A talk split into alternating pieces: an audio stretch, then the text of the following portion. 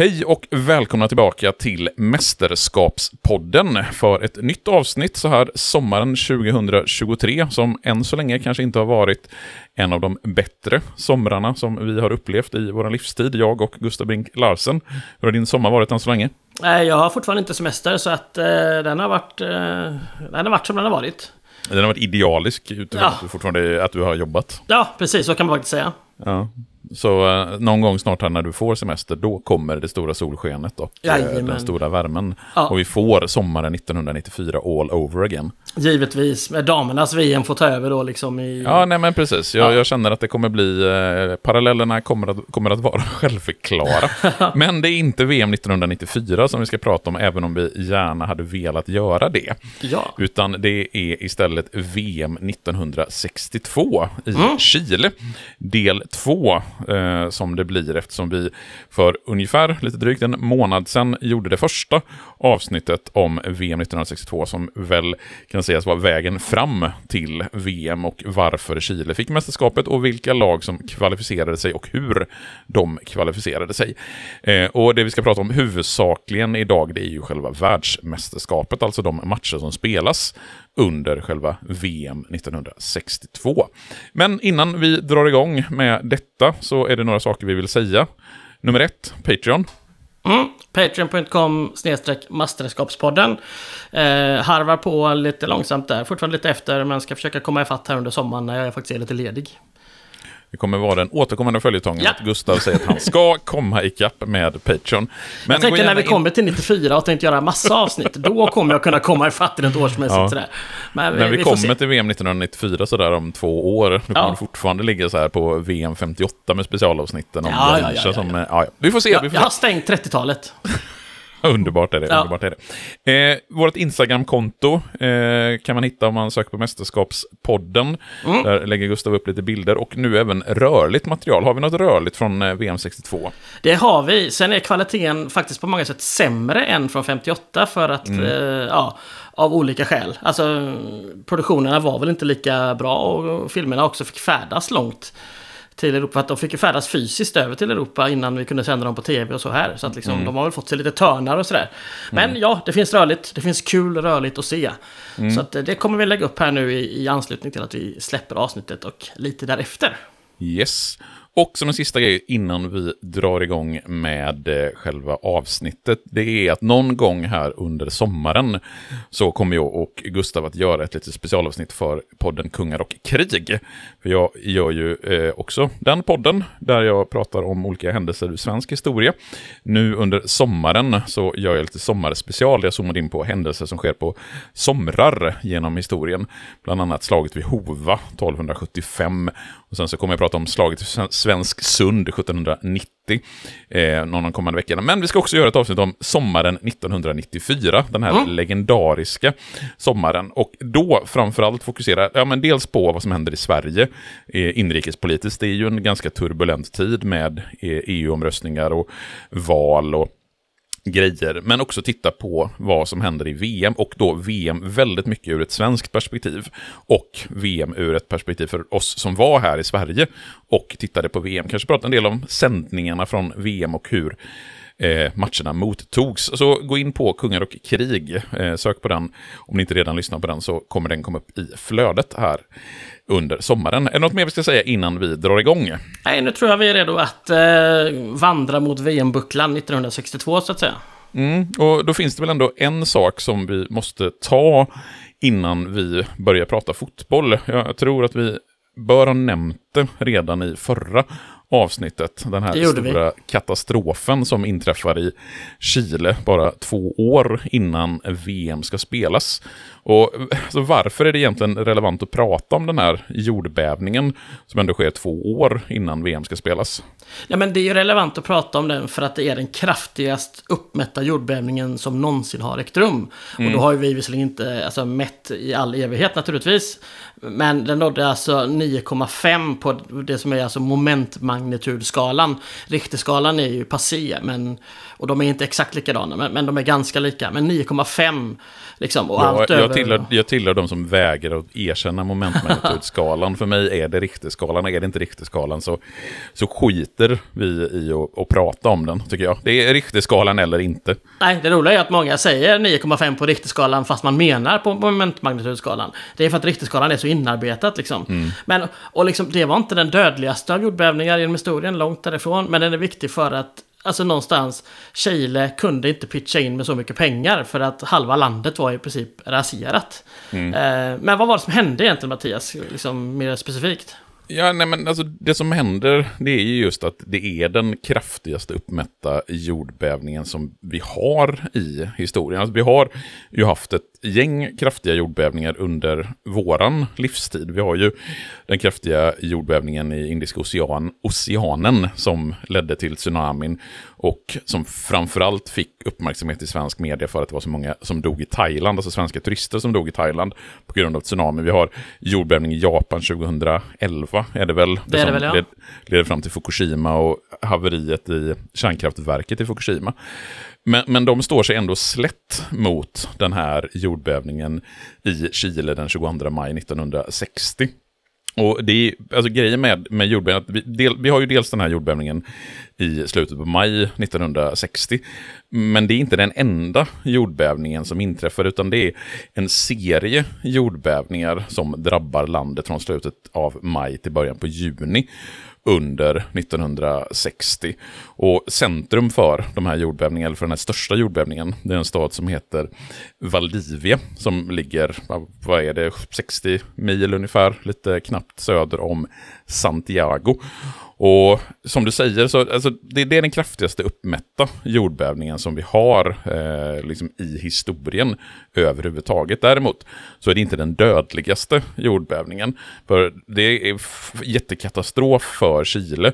Och man räknar med att uh, tusentals människor dör i den här jordbävningen. Siffrorna varierar från någonstans tusen upp till 6000 döda. Och då ska man jämföra med till exempel den stora jordbävningen i Chile 76, då vi pratar om 250 000 döda, eller mellan 250 och 700 000 döda. Alltså väldigt stor skillnad. Och anledningen... I Kina 76, jag tror du sa Chile, men i Kina Ja, Kina 1976 menar jag givetvis. Eh, och anledningen till att jordbävningen i Chile Eh, 60, 1960 då inte får så stora materiella konsekvenser och så många som dör, det är ju att den ändå inträffar i ett område.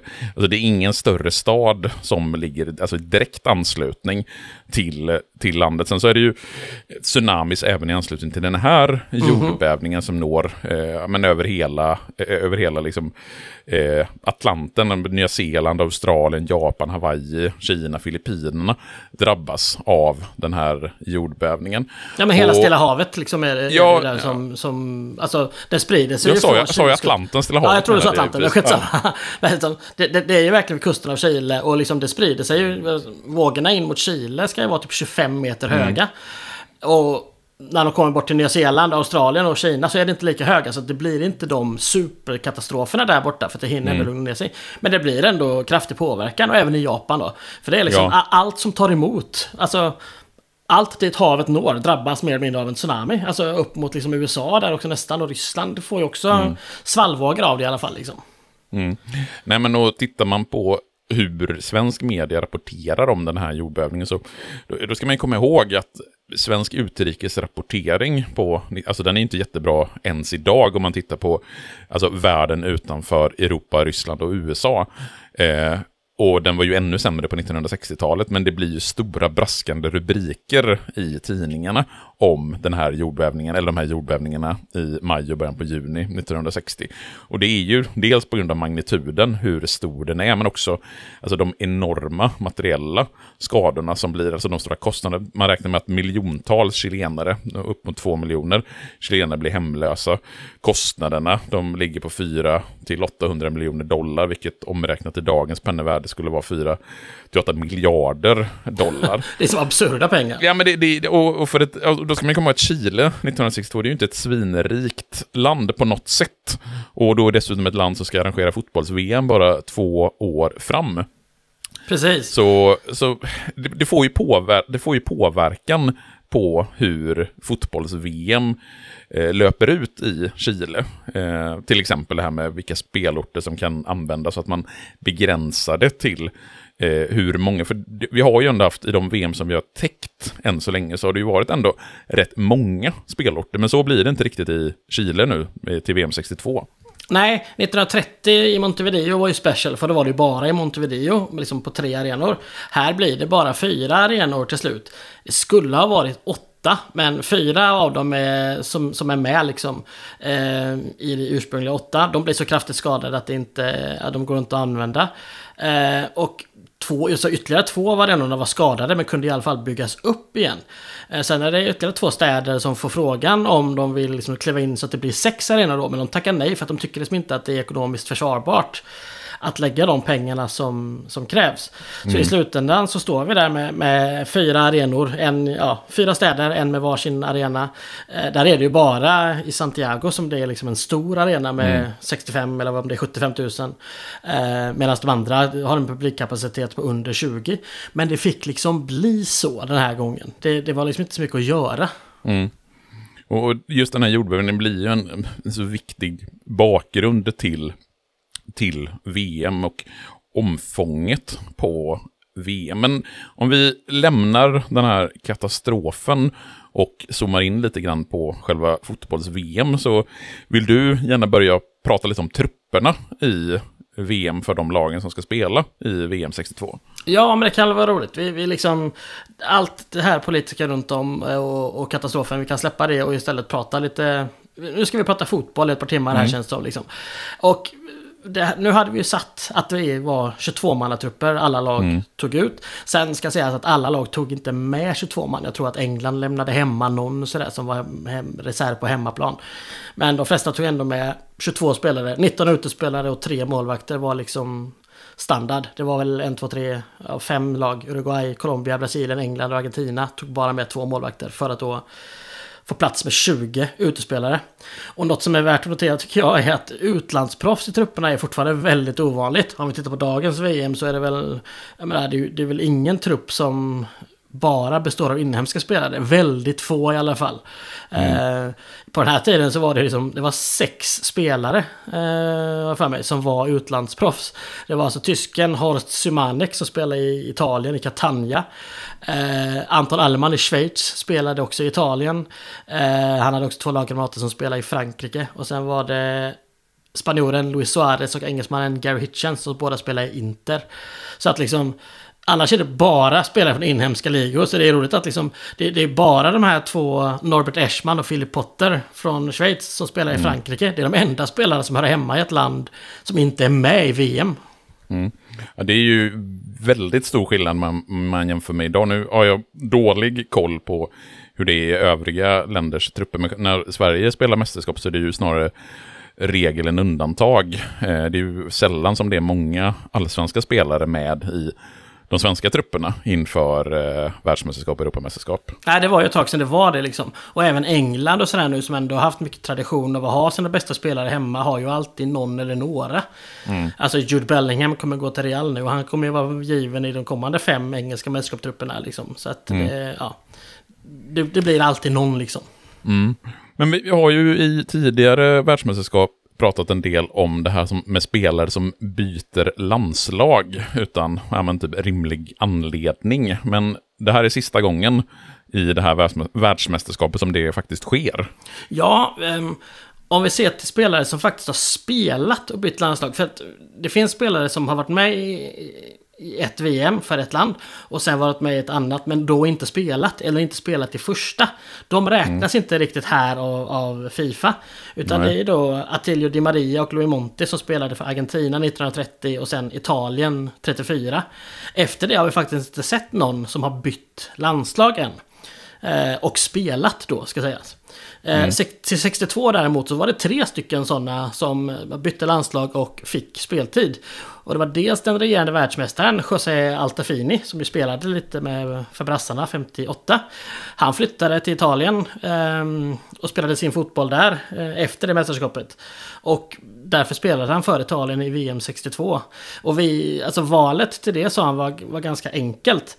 För Ja, jag citerar det här nu. Det var väldigt enkelt. Eh, då kallade Brasilien aldrig spelare som var baserade utomlands. Aldrig. Jag var bara 23 eller 24 och jag skulle varit förkrossad över att missa ett VM. Så det var inte jag som lämnade Brasilien, det var Brasilien som lämnade mig.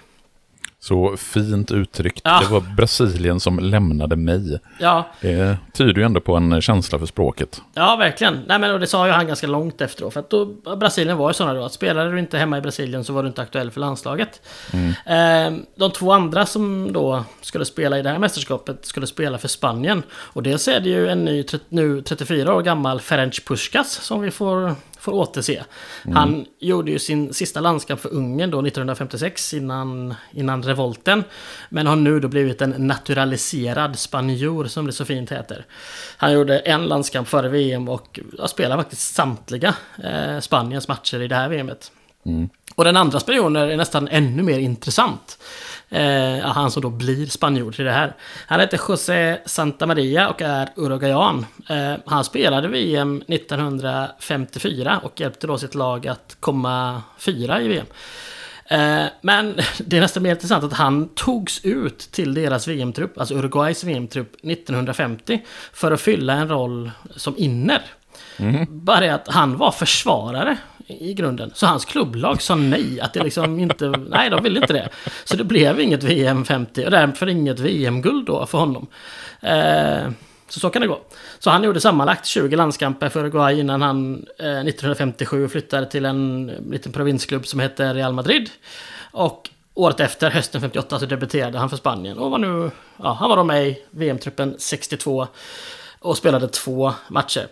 Och det fanns, eh, alltså till exempel eh, Alfredo de Stefano eh, är ju från Argentina. Han är ju med i det här eh, mästerskapet, men spelar ju inte för att han är skadad. Så därför räknar Fifa inte riktigt dem liksom. Men det här är liksom det sista VM som det här är, är möjligt. Vad har, vad har Fifa gjort efter VM 62 egentligen? Ja, men efter det så satte de ner foten och, och införde helt enkelt regeln att om en spelare representerat ett landslag i VM eller ett VM-kval så kunde han sen inte byta till ett annat landslag. Och man har gjort, ja, beroende på vad man ser det då, två eller tre undantag för det senare och det är allihopa för eh, jugoslaver. Det är Robert Prosinecki, Robert Jarni och Davro Šuker tillhörde allihopa Jugoslaviens VM-trupp 1990. Och Šuker spelade visserligen inte, så på det sättet så räknas han inte in i de som har spelat VM för två olika lag, men han var med i truppen. Ehm, men de fick sen också då spela VM för Kroatien 1998 och det känns väl helt rimligt med tanke på att Jugoslavien inte fanns längre. Att liksom, Det är klart att de ska få spela det land de någonstans då eh, tillhör. Och numera är reglerna ännu hårdare. Att liksom, nu, men nu, så fort man gör en officiell tävlingslandskamp för sitt land så är man ju låst till det landet. Och det är ju någonstans ännu mer aktuellt. Liksom om man ser till hur dagen ser ut med flyktingströmmar och jag menar, det finns ju spelare som varit aktuella för både två, tre, fyra, fem eh, landslag. Eh, jag minns när Adnan Januszaj slog igenom i, i Manchester United för tio, tio år sedan var det väl. Han var ju då belgare med någon eh, Ja, jag, jag tror, alltså, och han hade bott i England tillräckligt länge för att få spela där. Så jag tror att han hade fyra eller fem. För han hade också då något Balkan-påbrå där han hade två eller tre länder att kunna spela för. Så att liksom, det blir än mer viktigt, eller så här, det blir än mer, mm, vad ska man säga, att få till rimliga regler för det här känns ju rimligt. Och jag vet att Janne Andersson, förbundskaptenen, har ju pratat om det att numera kan ju spelare spela liksom i U15, U17, U19, U21-landslag och sen byta. Att det ska finnas någon form av ekonomisk kompensation därför att då lägger man ner rätt mycket pengar på den spelaren. Och så byter han bara sen till ett annat landslag. Och det kan vara tvärtom. Sverige kan ju få in sådana spelare med som har representerat... Vi har ju mycket folk från eh, eh, Balkan till exempel som... som eh, eller där föräldrarna är från Balkan och de får spela för Bosnien säger vi. Eh, och så väljer de att göra det fastän att de spenderat hela sin ungdomstid i Sverige. Ska, ja, det, det är ju... Det kan ju ses som lite konstigt. Ja, nej men det, det är ju inte helt okomplicerat det här. Det, alltså, det, är ju, det är ju en sak när, liksom, när vi, vi, visst det fanns ju liksom eh, migrationsströmmar även i mitten på 1900-talet. Vi kan liksom ta den stora utvandringen från Sverige till USA Ja, på 1800-talet och början på 1900-talet. Då var det inte kanske så aktuellt med fotbollslandslagsspelare som utvandrare kanske. Men idag så är ju migrationsströmmarna betydligt vanligare. Vilket gör att de här eh, reglerna, ja men det, det, blir mer problematiskt det där med vilket landslag du faktiskt ska tillhöra. Ja. Eh, så det är inte, inte alls självklart. Men eh, vi pratade i förra avsnittet eh, om spelare som gemene fotbollsintresserade skulle känna till. Eh, alltså i förra mästerskapsavsnittet, eh, alltså det i VM 1900, om VM 1958. Och om vi nu tittar på de spelare som spelar i VM 62, finns det några spelare som en gemen fotbollsintresserad Mattias Axelsson ska ha koll på inför det här mästerskapet? Ja, ja det gör det. Sen så inser man ju mer och mer när man pratar om det här att dels är det såklart en generationsfråga och även till viss del en, liksom, en fråga om var du har ditt fotbollsintresse. Jag menar, du kan ju vara jätteintresserad av allsvenskan eller följa ett specifikt lag i Premier League eller La Liga. Utan att egentligen ha koll på någon gammal Serie A-spelare. Alltså, mm. du kan missa liksom de största legendarerna i andra klubbar. Om de är liksom för 20 år före din tid. För att det är inte det du har... Det är inte ditt intresse liksom. Så eh, det kan också vara så att de här spelarna som jag nämner här nu kanske snarare röjer någonstans var mitt fotbollsintresse ligger. Men jag har i mm. alla fall tagit med 12 namn sammanlagt. Eh, varav några spelare nämndes redan 58. Ja, vi får se om det är spelare som också jag känner att det här ska man ha koll på. Ja. När du säger det. Men jag, jag, lägger in ett pling om det är spelare som jag tycker att eh, jag håller med om. Ja, nej men från Sovjet har vi då Lev Yashin som spelas även 58.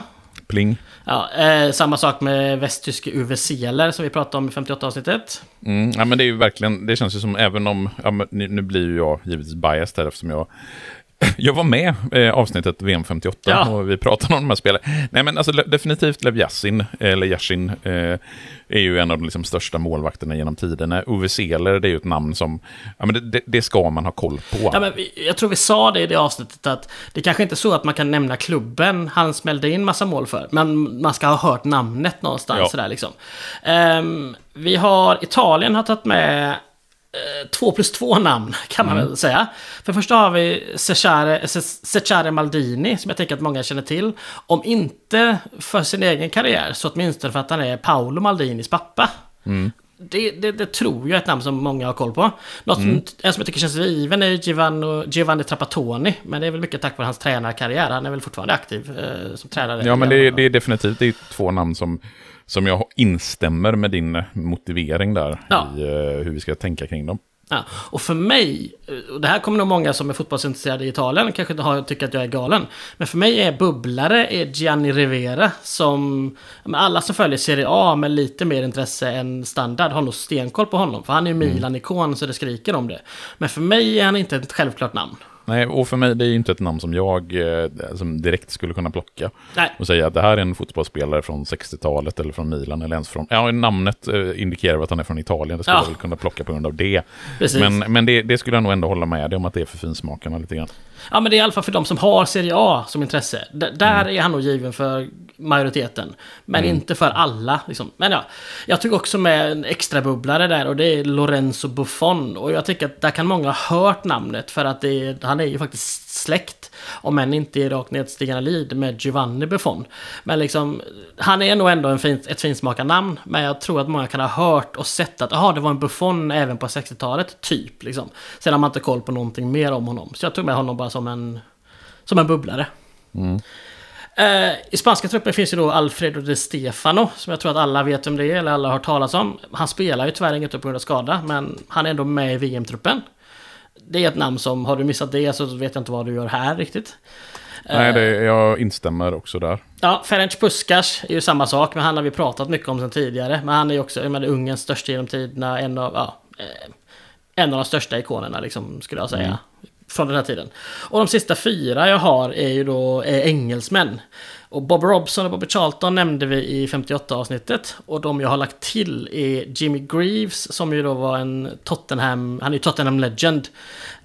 Um, och han värvades till Tottenham för 999 999 pund. Vilket är en rolig siffra. Vet du varför? Uh, ingen aning. Nej, han skulle slippa pressen och bli den första spelaren att någonsin kosta 100 000 pund i brittisk fotboll. Så då gav man en pund mindre. Uh, och den ja, sista... Fan vet om jag köper den förklaringen. Nej, alltså, det... den är rolig. Men Jimmy Greaves tror jag är ett namn som många har liksom hört talas om, åtminstone tack vare Erik Niva. För han är ju Tottenham och through and through liksom. Mm, vet du vem som var den första spelaren i uh, den engelska ligan som gick för över 100 000 pund? Oh, nej, det borde jag ha kollat upp i det här sammanhanget ju. Men nej, jag, nej, nu, nu ska, jag ska säga att jag, jag snabb-googlade det här, så att jag, jag, ni får ta det här med stor nypa salt. Jag gick in på Wikipedia-sidan Progression of British Football Transfer Fee Record. Oh, bra namn. Eh, och då, ja, vad fan, ska vi se. Ja, jo, det var till, eh, det, det var en skotte, Dennis Law, Jaha. som gick från Torino till United för ja, 115 000. Det borde faktiskt ha ja. haft koll på. Det är United, United Legend. Ja, det är United Legend liksom. Ja, det borde Men som sagt, det, ta det här med en stor nypa salt. Eh, en väldigt snabb googling med en Wikipedia-sida från min sida på, på den. vi, vi, tar det för fullständig sanning. Mm, perfekt. Den, den sista spelaren kan vara bubblare, men jag hoppas ändå att man har koll på honom. Och det är ju Bobby Moore som ju kommer vara lagkapten för England 1966. Eh, vilket gör att jag tror att någonstans kan han vara lite igenkänd. Han, han spelade också i West Ham i sin karriär, vilket gör att många idag liksom, alltså, hade han varit Arsenal United, alltså i någon stor klubb så hade det liksom legendstatusen där mm. gjort att hans namn spridits mer tror jag. Liksom, det är lite som att vi kommer ihåg George Best mer än en spelare i West Ham, typ, tänker jag. Men, men i alla fall. Eh, han tror jag många kan ha hört, även om han inte är liksom ett självklart namn, tror jag. Mm. Så det är, de eh. här, det är de här du tycker att, de här spelarna bör man känna till? Ja, och nu ska vi säga, nu har jag också då undantaget brassarna igen. Eh, precis som förra Ja, för där, där, finns det ju ett gäng namn som ja. jag tror att de allra flesta har koll på trots allt. Ja, och det är för att många, alltså så här, det är, många av dem är ju dubbla världsmästare och de var mm. världsmästare i Sverige. Som så Pelé och Garincha och Vava. Och så, jag tror ändå att de flesta har hört de namnen liksom. Sen kan man nog inte deras karriärer i, i i grund och botten, men man kan mm. dem ändå. Liksom. Mm. Det, det, det, kan också vara nämnas att vissa källor har Gordon Banks med i Englands trupp, men det är oklart om det stämmer. Jag tror inte att han var det. Eh, oavsett så spelar han inte, men han är väl ett namn som ändå de flesta känner till tror jag. Liksom. Mm. Men då har vi lite grann eh, vilka spelare som eh, man bör ha koll på åtminstone. Sen kommer vi nämna en massa andra spelare som ni kanske får lära er att höra för första gången i det här avsnittet. Eh, men det här VMet ska ju ha ett gruppspel och då lär man väl behöva lotta det här gruppspelet gissar jag. Så är det. Och eh, en liten detalj att nämna är bara att från och med 62 är det första gången som Fifa kallar grupperna just för grupper. Man har använt ordet pooler tidigare, vilket för mig är väldigt sådär badminton-tävlingar från när jag var barnkänsla. För då tävlade man i pooler. Mm. Eh, men det är vad de har kallat innan. Nu kallar alltså Fifa det också grupper. Eh, 16 lag ska delas in i fyra fyralagsgrupper, så det är ändå förhållandevis enkelt. Man sidar eh, Brasilien, England, Italien och Uruguay. Så de här lagen kan inte hamna i samma grupp. Noterbart är att man inte sidar Europamästarna Sovjet, men två andra europeiska lag istället. Det är ju mm, mm, så man kan göra. Och jag tycker inte vi behöver dra ut på det, utan liksom, de fyra grupperna blev enligt följande att grupp 1 var Uruguay, Colombia, Jugoslavien och Sovjet. Grupp 2 Italien, Chile, Schweiz och Västtyskland. Grupp 3 Brasilien, Mexiko, Spanien och Tjeckoslovakien. Och grupp 4 England, Argentina, Bulgarien och Ungern. Och det är så att alla möter alla en gång. De två bästa i varje grupp gick vidare till kvartsfinal. De andra två åker ut. Fan vad glad man är när det är ett sånt väldigt tydligt och enkelt upplägg. Det är liksom inga konstigheter. Det är precis så man vill ha det ja. i ett världsmästerskap. Visst är det?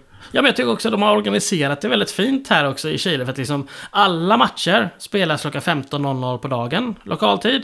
Och man la upp det så att liksom fyra matcher spelas samtidigt. Men det är inte så att grupp 1 och 2 spelar en dag och grupp 3 och 4 nästa. Utan det är verkligen en match per grupp per dag. Eh, alltså så här. Eh, Grupp 1, 2, 3, 4 spelar en match den 29 maj och sen spelades den andra matchen den 30 maj. Och sen är det den är det 2 juni och 3 mm. juni. Det är liksom, det är väldigt sådär uppstyrt liksom. Eh, så att, eh, ja men det var, det var snyggt. Mm. Och vi, det är fortfarande tvåpoängssystemet, det är långt kvar till trepoängssystemet. Så två poäng för seger, en för oavgjort. Och nyhet också att målkvot nu ska användas på riktigt. Alltså inte som 58 då det användes i vissa specifika fall, utan nu ska man använda målkvot liksom för att separera lag redan från början. Mm, och någonting som det har varit eh, diskussion om och sådär, det är ju när en match slutar oavgjort, alltså inte gruppspelsmatch, då, är det själv, då blir det ju på ett sätt. Men när slutspelsmatcherna slutar oavgjort, alltså kvartsfinaler eller semifinal, vad, händer då i det här världsmästerskapet? Ja, men då är det så att oavgjort där så blir det 30 minuters eh, förlängning. Och om matchen då fortfarande är oavgjord så blir det lottdragning. Så att man var ganska snabb till lottdragning. Inga omspel alls eh, var aktuella. Förutom i finalen, för den var speciell. Hade den blivit oavgjord efter 90 plus 30 så hade man kört ett omspel. Hade den matchen också varit oavgjord efter 90 plus 30, ja då hade man lottat. Men vi kan mm. spoila redan nu med att det krävs varken omspel eller lottdragning i en enda match. För att alla slutspelets matcher är avgjorda efter 90 minuter, så ingen av dem behöver ens gå till förlängning för att avgöras. Ehm, Också bara noterat att gruppspelsmatcherna spelas klockan 15 på dagen, men slutspelet, då byter vi till 14.30. Anledning eh, högst oklar. intressant, det borde vi gräva lite mer ja. Och varför flyttar man fram slutspelsmatcherna en halvtimme så de börjar 14.30? Nej, oerhört märkligt. Eh, du har ju en liten fetisch för det här med eh, siffror och spelsystem och hur man ställer upp och sådär. Är det någonting vi behöver säga om det inför det här världsmästerskapet? Nej men det är väl att 2-3-5 till slut verkar ha dött i alla fall liksom. Den, den är borta. De flesta lag verkar spela i någon form av antingen 3-2-5 eller ännu fler med 4-2-4. Vilket jag tänker mig också skulle kunna skrivas som antingen 3-5-2, 3-4-3 eh, eller 4-4-2. Sen är ju yttrarna kanske mer offensiva. Att, liksom idag, ja, det, det, är väl rätt med 4-2-4 då liksom. Mm. Eh, men, men ja, det är väl i princip de två spelsystemen som eh, som regerar i det här mästerskapet. Mm. Tillhör du också den generationen som tycker att 4-4-2 är det enda riktiga spelsystemet? Jag, jag, gjorde det länge tror jag, men jag har börjat värma upp för andra spelsystem nu också. Ah, eh, fan, din jävla förrädare. Ja, jag ber om ursäkt, men jag... Eh, ja, jag har... Jag, jag kan se ett 4-3 också, att det kan mm. ha sina förtjänster. Jo, alltså absolut om man pratar rationellt. Nu tänker jag mer känslomässigt Aha. att det är det enda riktiga spelsystemet. Ja, ja såklart. Men det var ju för att det var så när vi växte upp och då ja, måste det ju vara så. Försök, försök förklara varför. Det bara är så. 442 är det enda rimliga, rimliga spelsystemet. Korrekt. Eh, men det är väl inte det man spelar i det här världsmästerskapet. kommer få vänta ytterligare några VM. Men dags för lite matcher nu och eh, vi börjar med grupp 1. Alltså Titos och Khrushchevs grupp med eh, dessutom Uruguay och Colombia. Vad, vad hände där? Jo, men eh, det var en spännande grupp som faktiskt skulle leva ända till slutomgången. Eh, upplägget eh, som vi nyss pratade om gjorde att liksom varje grupp hade en arena som samtliga gruppens matcher spelades på. Och mm. den här gruppen höll till på Estadio Carlos Dittborn, alltså döpt efter Carlos Dittborn som vi pratade lite om i förra avsnittet. Mm. Det är en hamns, alltså i Arica. Det är en hamnstad i norra Chile, precis där Sydamerika liksom eh, böjer sig österut. Mm. Det är den klart mest avlägsna spelplatsen. De andra tre spelorterna är ju Santiago, Vina del Mar och Rancagua. De ligger ju alla Ja men eh, jag tror att numera är det väl bara max två timmars bilresa mellan alla de tre städerna liksom. Arica mm. ligger ju 165 mil fågelveckan. Ja, fan, det är precis på gränsen upp till eh, Peru, alltså ja. i absolut nordligaste eh, Chile. Precis, så att där, där har man lagt den här gruppen. Och som mm. sagt, varför arenan har döpts efter Carlos Dittborn vet jag inte. För han hade, vad jag kan sett, inte någonting med den här staden att göra. Men så får det väl, så får det väl vara. Mm. Eh, och ja, gruppen inleddes med det sydamerikanska mötet. Eh, då VM-återkommande Uruguay skulle möta VM-debutanterna Colombia. För mig känns det liksom konstigt att Colombia gör VM-debut så här sent. Mm. Och att de faktiskt efter det här VMet inte är med igen förrän 1990. För för mig har de alltid känts, ja Colombia är en stabil VM-nation. Ja men, det är, men absolut, och då, där har vi ju samma sak sådär ja. som varför 4-4-2 är mitt spelsystem. Ja, att Colombia är liksom med i de VM som du och jag liksom växer upp med på 90-talet framförallt. Ja, de, de, är med 90, 94 och 98 och de har också liksom, de har René Gita som sticker ut 1990. De har Andres Escobar-tragedin 94. Och sen, jag menar 2006 14 var det väl, så var det ju James Rodriguez som hade sin mm. show. Så att liksom, Colombia när de är med, alltså det är taskigt att säga att någonting händer kring dem i och med att han blev skjuten. Men det är för att liksom, mm. Det är inte bara så att de... Eh, alltså ta Bolivia 94. De var med, de kom dit, förlorade mest och så åkte de hem. Alltså det är ingen som minns Bolivia 94. Man minns ändå Colombia var Bolivia 94. ens med 94 alltså? Ja, precis. Eh, ser, det var de. Eh, så att liksom... för mig är, är de ett, eh, en stabil VM-nation, men de är egentligen ingen stabil VM-nation. Eh, men nu var det så dags, deras VM-debut och det skulle börja bra. Eh, svensk media har tyvärr inte jättemycket om den här matchen, rimligen för att det är VM så långt bort så att man liksom mm. inte har koll. Och Sverige var inte med. Så att liksom, ja. Men Svenska Dagbladet beskriver den här matchen som intetsägande och trist. Och det låter mm. ju sådär. Och jag har sett ett knappt fem minuter långt highlights-klipp. Eh, Ehm, och det är första halvlek där Uruguay skapar flest chanser men bränner ja, alltså typ upp ett mål ganska tidigt. Eh, och efter 19 minuter är det istället Colombia som tar ledningen. Eh, man får en straff och lagkapten Francisco Zuluaga slår in den med sin vänsterfot. Man har också ett skott i stolpens insida eh, och med ett Ja, det är ett spektakulärt men misslyckat cykelsparksförsök på den returen. Eh, men i övrigt så är det Uruguay som skapar flest chanser. Men de ligger under i halvtid, Uruguay. De vänder dock matchen ska sägas. 10 minuter innan andra halvlek eh, kommer 1-1 av högerytter Luis Cubia. Eh, och eh, ja, med kvarten kvar så fullbordar man vändningen. Eh, man tar sig in på högerkanten och eh, ja, José Sasia kan eh, tåpaja in 2-1 rätt och slätt. Är det första gången vi använder ordet tåpaj i den här podden? Jag hoppas det, för att det är första gången man kan se så pass bra bilder tror jag nästan, så att man kan avgöra att det faktiskt är en tåpaj. Ja, det är, det är ett fint nej. ord. Ja, men jag älskar... Tåpaj är underskattade. Det är, mm. Sitter på Romario, han gjorde många tåpajar. Oh ja, oh ja. ja. Men ja, fler mål får vi inte. Colombia får en fin start i matchen, men de går ändå förlorande ur den. Och man drabbas tyvärr också av ett avbräck inför kommande matcher. För Uruguayarna hade spelat så pass vårdslöst att målskytten och lagkaptenen Solaga bröt tre revben. Och han spelade inte mer matcher ja, i det här VMet tyvärr. Och det innebär att det är dags för den andra matchen i grupp 1 som spelas dagen efter på samma stadion i samma stad i norra Chile. Och då är det repris på EM-finalen från 1960 som vi pratade lite kort om i förra veckans avsnitt. Det är Nikita Khrushchev mot Josef Broz Tito, alltså Sovjet mot Jugoslavien. Ta oss igenom den här matchen. Ja, nej men det var varmt, planen var torr och det gjorde att de konditionsstarka ryssarna fick ut mest. Eh, 1-0 gjorde man fem minuter in i andra halvlek. Valentin Ivanov gjorde det målet. Och 2-0 gjorde man med sju minuter kvar av matchen. Viktor Ponel, Ponedelnik eh, gjorde det målet.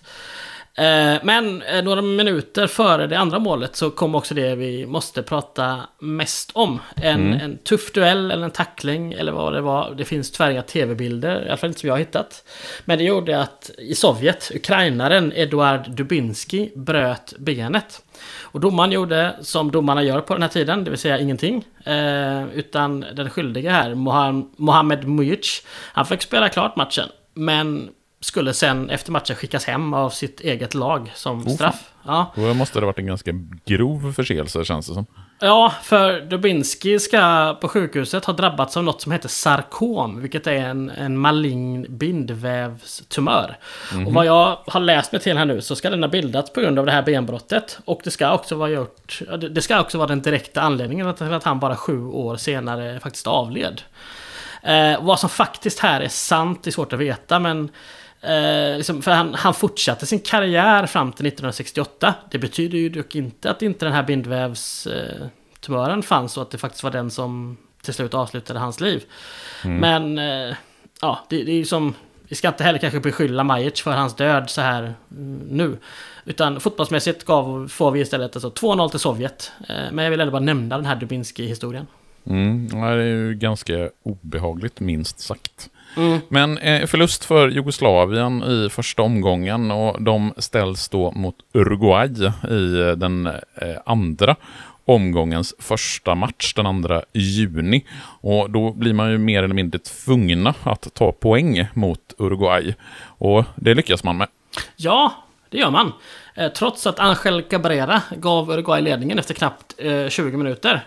Men Josef Skoblar kvitterade fem minuter senare på straff och lagkapten Milan Galic gav sen juggarna ledningen fyra minuter senare innan Drasan eh, Jerkovic satte 3-1 några minuter in i andra halvlek. Mm. Och matchen var punkterad. I övrigt har vi bara egentligen från den här matchen att rapportera ett dubbelt rött kort i den 71 minuten. Då ja, målskytten Angel Cabrera från Uruguay och Jugoslaviens Vladica Popovic förmodligen hamnade i någon form av bråk och båda åkte ur. Eh, inte heller den här matchen har hittat några highlights ifrån så jag kan liksom inte ja, jag kan inte säga exakt vad som har hänt. Men eh, det verkar inte att det har varit så farligt. För båda spelarna var med liksom, i nästa match för sina lag. Mm. För att det verkar inte vara helt hundra att liksom, utvisning här per automatik ger ett rött kort. Mm. Det är nog en senare ett senare påfund. Ett påfund mm. som jag faktiskt kan komma ut som att jag är lite motståndare mot. Jag ser inte varför man ska bli utvisad en match och därför automatiskt bli avstängd i nästa. Jag tycker att det borde kunna vara... Jag kan nog vara benägen att hålla med ja. dig. Där. Jag tycker det ska men... vara ett alternativ, eller så här, för grova utvisningar. Men jag tycker inte att... Ja, ja, men ja. det ska ju bedömas från fall till fall i så ja. fall. Känns Känner det som. Ja. Alltså en, en, utvisning kan ju, eller utvisning kan ju vara beroende på väldigt många olika saker. Ja. Alltså säg att du blir utvisad på grund av tjafs med domaren till exempel. Eller att du tar med hand. Det är inte samma sak som att du brutalt sparkar ner någon och eh, bryter ett ben på någon. Exakt, och du kan bli utvisad efter två ganska så här, två gula som, ja de är gula båda två men ingen av dem är egentligen rött. Eller så här, liksom, varför ska du då, ja. Nej, vi behöver inte ta det nu. Vi, men, men jag tycker att det är en... Vi gör ett Patreon-exklusivt avsnitt där vi diskuterar den här frågan. Hittar vi någon som är emot dig så har vi en liten debatt i frågan. Så gör vi. Ja, eller så gör vi inte det. Eh, men eh, den andra omgången i den första gruppen, då blir det givetvis Sovjet mot Colombia. Och där känns det som att Sovjet skulle vara den stora favoriten. Det är de. Allting pekar på seger eh, för ryssarna, som svensk media fortsatt ivrigt kallar dem. Jag tycker det är roligt. Ehm, man gjorde också precis vad man skulle redan från start. Valentin Ivanov gjorde mål i minut 8 och 11. Och då var det, ja, då var det 1-0 och 3-0 han satte. Därför att däremellan hade Igor Kislenko satt 2-0. Um, ehm, German, eller German, German Acheros satte 3-1 efter drygt 20 minuter och det framstod ju som ett simpelt tröstmål, liksom, för det stod sig halvleken ut. Och när Viktor Ponedelnik sen sätter 4-1 10 minuter in i andra halvlek, eh, då, då, då är ju matchen, då är matchen över liksom. Mm. Men ingenting tyder på att Colombia ska komma tillbaka. Då gör man ett olympiskt mål. Kommer du ihåg vad det var? För det har vi pratat om tidigare. Uh, olymp Ja, det tror jag faktiskt att jag kommer ihåg. Eh, det är någonting med att bollen går direkt i mål. Eh, Från... Typ om, ja, men, ja, det måste ju vara att den går direkt i mål på hörna. Exakt så är det. Ett olympiskt mål är när man sätter bollen direkt i mål på hörna. Och det gjorde Marcus Koll. Det var faktiskt... Han var nöjd jag är att jag kunde det. Orimligt nöjd. Orimligt nöjd med det faktiskt. Nej, men det, det var liksom, det var alltså... Det, det, var det första olympiska målet tror jag i VM-historien. Mm. Så att liksom, det tog ändå så pass lång tid. Men ja, med drygt 20 minuter har vi då 4-2. Och mindre än 5 minuter senare så sätter Antonio Rada 3. Och ta mig tusan om inte Colombia faktiskt lyckas kvittera med, fyra med fem minuter kvar. Eh, Marino Klinger sätter det målet och colombianerna ser till att hålla sig kvar i turneringen genom att alltså hämta upp 4-1 till 4-4 mot Sovjet. Och det innebär att gruppen lever i allra högsta grad inför sista omgången. För Sovjet, i och med att de då bara får oavgjort mot Colombia, leder trots detta gruppen på tre poäng, en seger och en oavgjord. Jugoslavien, de är tvåa på två poäng eftersom de har bättre målkvot än trean Uruguay. Och sen har vi Colombia sist med sin poäng som de fick då mot Sovjet. Eh, men går vidare om de slår Jugoslavien i sista omgången, eller? Ja, men nästan helt klart är det. Eftersom just eh, målkvot är en grej. Mm. Eh, på förhand kunde Colombia missa slutspelet även om man vann sin sista match. För säg att Uruguay hade slagit Sovjet med ett mål och Colombia slagit juggarna med ett mål. Då hade man faktiskt fått sämre målkvot än Sovjet och slutat trea. Men det är mm. typ i alla andra scenarier som involverar colombiansk seger eh, så tar man sig till slutspel. Men eftersom matcherna inte spelas samtidigt, utan Sovjet och Uruguay spelas ju dagen före.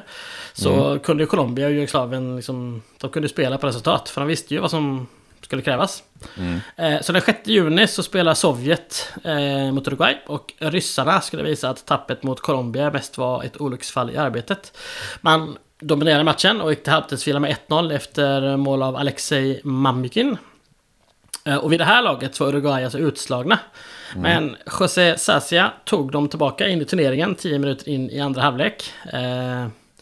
Och med tanke på hur stora favoriter Jugoslavien var mot Colombia så som, det var liksom inget att hålla fast vid eh, för Uruguay. Mm. För att på alla sätt så skulle ju liksom eh, Jugoslavien slå Colombia och då skulle Uruguay ändå åka ut. Mm. Så allt tyder på att Uruguay behöver vinna matchen. Mm. Men Sovjet var bättre och i matchens slutminuter så går de upp och gör 2-1. Man kan väl gissa någonstans att de går upp och kontrar in 2-1 och skickar Uruguay ut ur mästerskapet. Och det var Valentin Ivanov som återigen stod eh, som målskytt. Hans fjärde mål i turneringen faktiskt. Och det gjorde att förutsättningarna i matchen Jugoslavien-Colombia var ganska ävla, äh, enkla. Att det lag mm. som vinner går till kvartsfinal och vi oavgjort tar Jugoslavien den platsen.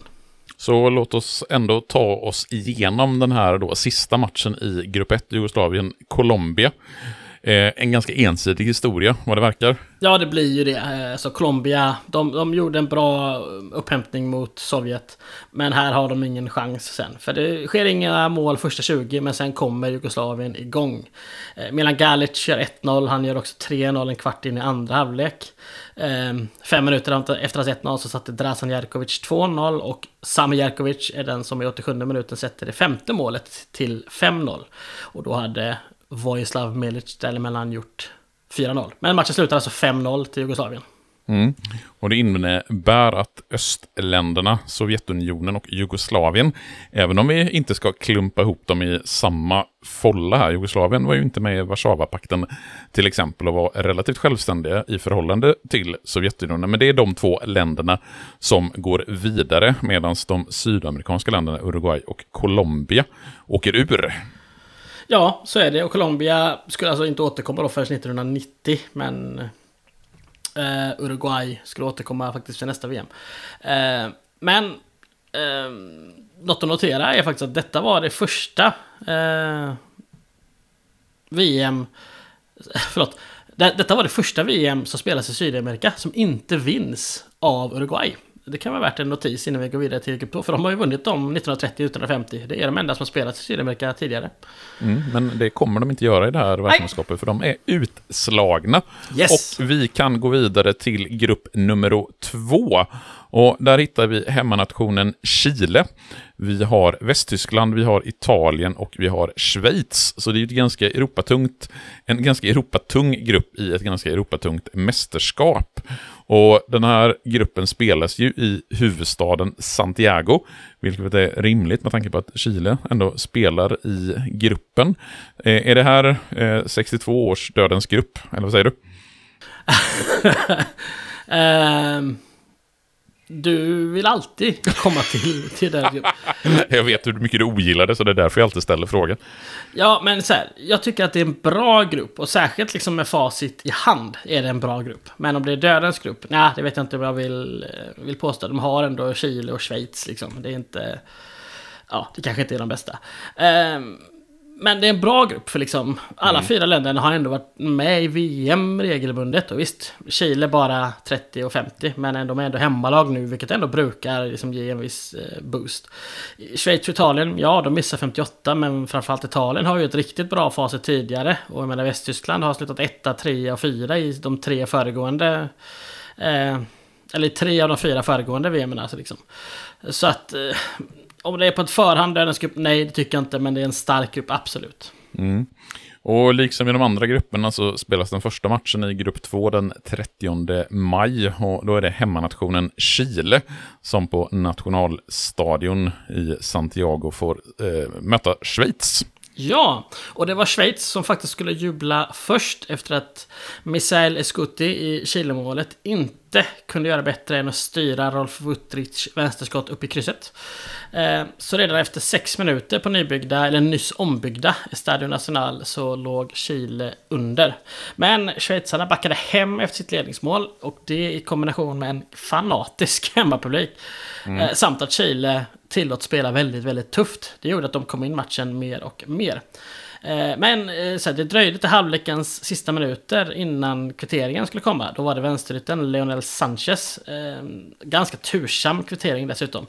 Eh, han fick till en, han en ganska dålig träff på en halvvolley, men bollen ändrar riktning på en schweizisk försvarare, vilket gör att målvakten liksom redan har slängt sig och därför blir helt chanslös. Eh, och sex minuter in i andra halvlek tar man också ledningen när Jaime Ramirez sätter 2-1 på, på egen retur. Och fyra minuter senare väggade sig chilenarna fint igenom från vänsterkanten eh, och eh, Lionel Sanchez kunde på det följande inspelet stöta in 3-1. Och hemmanationen fick då den drömstart man hoppats på. Och den andra matchen, den spelas ju då dagen efter mellan Västtyskland och Italien. Lite av en parentes. Ja, det är en dålig match. Eh, defensivt spel, få chanser på en plan som blev väldigt, väldigt hal av regn. Och den slutar också 0-0 matchen. Eh, något som jag tycker är lite anmärkningsvärt är att den officiella publiksiffran är över 65 000. Men i det Svenska Dagbladet är det bara 4 000 pers på plats. Oh, det är ju ändå intressant. Ja, baserat på bilderna. Jag har bara sett stillbilder. Men eh, jag är helt övertygad om att Svenska Dagbladet har fått något om bakfoten här. För det ser ut att vara ganska fullsatt. Ja, det är, det är ändå lite spännande. Och också en, ett, en grej att göra ett specialavsnitt på Patreon om. Varför, varför fick Svenska Dagbladet siffrorna så fel? Men skit i det. det ja. Låt oss istället gå till den andra omgången som blir desto mer intressant än den första omgången i grupp två. Och vi har ytterligare en sån här slaget om matchen. Och eftersom de här matcherna då spelas i Santiago så bör det ju givetvis vara, vara slaget om Santiago den här gången. Så blir det. Och att använda slaget om på den här, det kan ju alltid verka lite drastiskt när man drar liksom mm. krigsreferenser. Men det är nog fan ingen överdrift den här gången. För jäklar mm. vilken omgång det här är. Jag har sett större delar av matchen faktiskt. Jag har, nog, jag har sett första halvtimmen i första halvlek och sen sista halvtimmen. Och däremellan faktiskt lite klipp också. Eh, och det, alltså här, att det här blir en sån här tokmatch, det kommer inte från ingenstans. För det är två italienska journalister som drar igång hela skiten faktiskt. Och det är genom sitt sätt att beskriva Santiago. Och de skriver att Santiago är eh, som en soptipp. Eh, och citat, telefonerna inte fungerar, taxibilar är lika sällsynta som trogna män. En kabel till Europa kostar en arm och ett ben och ett brev tar fem dagar att dyka upp. Man, man beskrev också folket som undernärda, illiterata, fattiga och alkoholiserade, bland annat. Eh, och det här tas ju inte emot väl och det svaras på från chilensk media som kallar italienarna för fascister, mafiosos, översexuella och drogberoende. Och det sista här är för att eh, det var ganska nyss som ett gäng interspelare åkte dit i en dopingskandal. Så att därför är de också drogberoende då. Ja, men de, här två, de här två italienska journalisterna, vad, vad hände med dem egentligen? De tvingades fly landet och lyckades med det. Men en som inte lyckades fly var en argentinsk journalist som misstogs för att vara italienare när han var på en bar. Så han misshandlades så grovt att han hamnade på sjukhus. Alltså man ska inte skratta åt sånt här egentligen, men det är Nej. så här, alltså, med, med, liksom, med lite perspektiv på det hela så det är ju lite smålustigt ändå. Ja men så här, det är 60 år sedan, nu, nu kan man väl se på det med ögon sådär, det är klart att det är jättetragiskt för den här amerikan, eller argentinska journalisten. Mm. Men han, han klarade sig och för oss i efterhand blir det ju bara, vad, vad tusan håller de på med liksom? Mm. Ja, det blir, ja. Men det är ju precis som du säger, att liksom slaget om Santiago, det är väl en av de mest mytomspunna matcherna just vad det gäller våldsamhet och brutalitet i VM-historien. Men du som ändå har sett en hel del av matchen, liksom, stämmer omdömet? Är, det, är den så brutal som, eh, som ryktet gör gällande? Ja, vill jag säga. Och den, den är ful redan från start. Det, det, är väl om det är 12 eller 15 sekunder innan liksom den första kapningen sker. Eh, och båda lagens spelare försöker verkligen få till fula tacklingar så fort bollen är liksom i närheten under, eller liksom under den första minuten så är det liksom lite hopptacklingar och liksom verkligen, det är som att de försöker göra varandra illa. Och sen är det lite grann som att det lägger sig och lagen försöker få igång någon form av spel i typ fyra minuter. Eh, för då har vi det första eh, större bråket. När en italienare kör en riktigt ful tackling på en hemmaspelare. En andra chilenare kommer in och skjuter bollen, eller försöker i alla fall skjuta bollen på italienaren. Innan han liksom råkar kliva över den här halvt liggande, du vet liksom, när man säger oj var du där, jag såg det inte. Det var lite som den eh, som att han försökte köra mm. den grejen liksom. Eh, och den här italienaren sunar ju då såklart till och liksom kickar till benet på chilenaren som vänder tillbaka och markerar en, då markerar italienaren ytterligare en spark. Eh, som, ja, chilenaren faller ihop liksom. Här får vi bara frispark för, för Chile. Och den, den sparken är liksom, den träffar inte så farligt för chilenaren överdriver ganska mycket. Men det är liksom någonstans... Ja, det är någonstans här det börjar liksom. Mm. Eh, Och det, det, faller en chilenare till bara helt plötsligt vid sidan av. Det verkar också vara någon som filmar liksom. Så att, ja. Det är lite simulering, men domaren Ken Aston, det är han som om några år då ska komma på systemet med gula och röda kort faktiskt. Han gör sitt för att försöka lugna, men mm. det hjälper inte nämnvärt. Eh, för tre minuter senare bara så känner han sig manad, eller nödgad att visa ut Italiens Giorgio Ferini. Efter att han har ja, helt enkelt sparkat eh, Landa, Honorino Landa i Chile. Och ja, med dagens mått mätt så är det solklart. Men med tanke på vad som redan har skett i den här matchen och vad som kommer att ske. Så liksom, det är lite random nästan att, att just han blir utvisad eh, här. Mm. För, för liksom, det händer, det händer mycket annat eh, också. Mm. Eh, för, ja. Ferini, han blir liksom, alltså det han har bollen, ska slå iväg den från egen planhalva och landa, kommer bakifrån och gör någonting och irriterar liksom. Och det är det mm. som får Ferini att bara liksom vända sig om och instinktivt sparka till. Mm.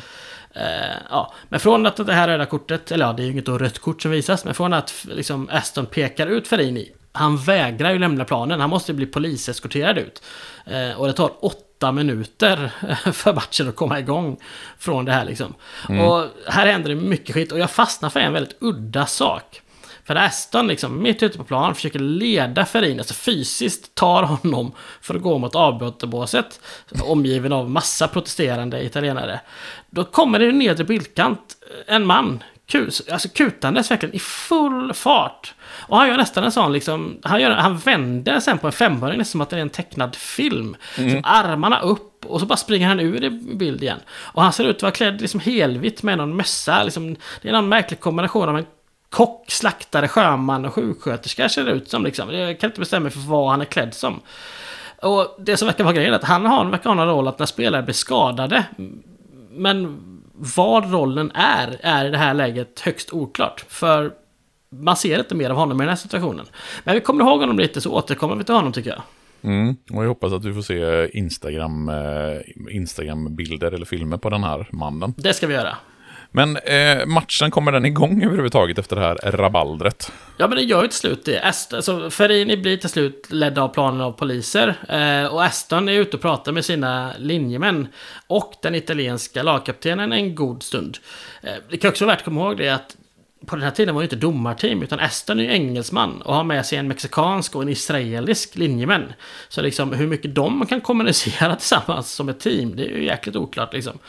Eh, men ja, till slut så fortsätter matchen. Eh, med ett par minuter kvar av första halvlek så drabbas Italien av sin andra utvisning. Och det här är en alltså oerhört jävla ful sekvens som, mm. som leder till den. För Italien har skapat sig några halvchanser, satt lite tryck liksom. Eh, och så är det ett inlägg eh, från Italiens vänsterkant som går alldeles för långt. Det går över till vänsterkanten. Den chilenske vänsterbacken där, han lättar liksom boll kanske 20 meter upp eh, ja, framåt i banan. Ganska högt upp i luften, alltså i typ eh, nickhöjd. Mot vänsterytter Leonel Sanchez. Och han inser att han kommer inte nå den här bollen, för den är för hög för honom. Men då kommer i full kareta den italienska högerbacken Mario David. Liksom, han skiter fullständigt i att Sanchez uppenbarligen inte går på bollen. Han kommer fötterna i huvudhöjd. Och liksom mm. dunkar till boll och Sanchez. Eh, och ja, han träffar. Så att liksom, det är verkligen fötter med dobbar i huvudet oh, på, oh. på Sanchez. Han blir ju däckad här liksom. Och eh, Aston, domaren, kan ju inte, alltså i det här läget kan han inte göra något annat. Det är bara att visa ut David och liksom eh, säga tack och hej. Men det som hör till saken är att bara ett par minuter sidare har Sanchez försökt dribbla sig förbi David i en offensiv eh, räd. Han har halkat och haft bollen mellan fötterna. Och David har då passat på att liksom ge två, inte jättemilda sparkar mot bollen, men ändå mot bollen. Det är, liksom, det är fult, men det är inte överdrivet eh, fult. Men Sanchez, eh, ja, dom, linjedomaren vinkar för frispark här liksom. Eh, och Sanchez reser sig upp och sänker David med liksom en vänsterkrok. Alltså han verkligen, boom! Två meter framför linjemannen. Men Sanchez oh. får inget straff alls. Så liksom, när då italienarna åker ut för sina saker så gör ju inte chilenarna det. Så man kan ju någonstans ana en viss frustration hos italienarna. Eh, och jag tycker också att man ganska tydligt där, liksom, när Sanchez har slagit ner David, så ser man ganska tydligt att han överdriver hur ont han faktiskt har. Det är som att han inser att bara shit, nu gjorde jag bort mig. Jag låtsas som att jag har jätteont i benet när han sparkade mig. Mm. Eh, det är liksom inget försvar, men liksom, alltså, att David blir knockad är inget försvar mot att han hoppsparkade Sanchez i huvudet sen. Men det kan mm. väl vara någon form av förklaring i alla fall. Liksom. Mm. Och det är nu vi får se kocken, slaktaren, sjömannen slash sjuksköterskan igen. ja, faktiskt. Eh, och nu någonstans inser man vad han gör. Ja. Ehm, för han, han, han kutar bort dit och tar sig på något sätt ner till den liggande David. Exakt hur man ser, han hamnar lite ur bild där. Men sen blir han också, kommer han in i bild igen och blir ja, minst sagt bortknuffad av andra spelare. Och då bara reser han sig, kutar tillbaka till sin plats på mittlinjen, som är liksom precis utanför planen. Och tack och lov så valde kameran att följa honom den här gången. Och det han gör då är att han plockar upp en stor skylt med nummer 18, vilket är den nedslagne Davids eh, nummer. Så det verkar mm -hmm. som att han mhm. på något sätt är någon informatör till publiken om vem det är som ligger ner. Eller vad det är som händer. Men varför han ska meddela vilka som har blivit, vem som har blivit nedslagen är lite oklart. Men det verkar vara det han gör i alla fall. Liksom. Ja, alltså den första halvleken av den här matchen verkar ju vara något, eh, något i hästväg vad det gäller våldsamheter och problematik och dylikt. Ja. Och jag, eh, jag gissar att andra halvleken lär väl inte bli lugnare. Nej, vi får inga fler utvisningar. Um, det som händer är att, uh, jag har inte sett hela den här halvleken, men polisen ska ha gått in och tvingats liksom, hålla ordningen vid tre tillfällen.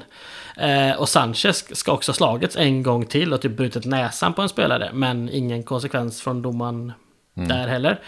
Eh, men med drygt en kvart kvar eh, så skulle det faktum att Chile var två man mer till slut få effekt. Eh, en frispark från långt håll boxades bort av Matrell som ersatte Buffon i den här matchen i det italienska målet. Mm. Men han boxade inte bort den bättre än att Jaime Ramirez kan nicka bollen över de två försvararna vid mållinjen och bollen går in i mål. Och 2-0 eh, kommer sen ett par minuter senare ett fint långskott av Jorge Toro. Eh, men då har vi också haft liksom typ rugbyscener vid ett par tillfällen. Så att ja, det, det, det fortsätter verkligen hela vägen in i mål. Men mm. sammantaget, Chile vinner slaget om Santiago med 2-0. Vilket gör att de då är klara för kvartsfinal oberoende av hur det går mellan Västtyskland och Schweiz.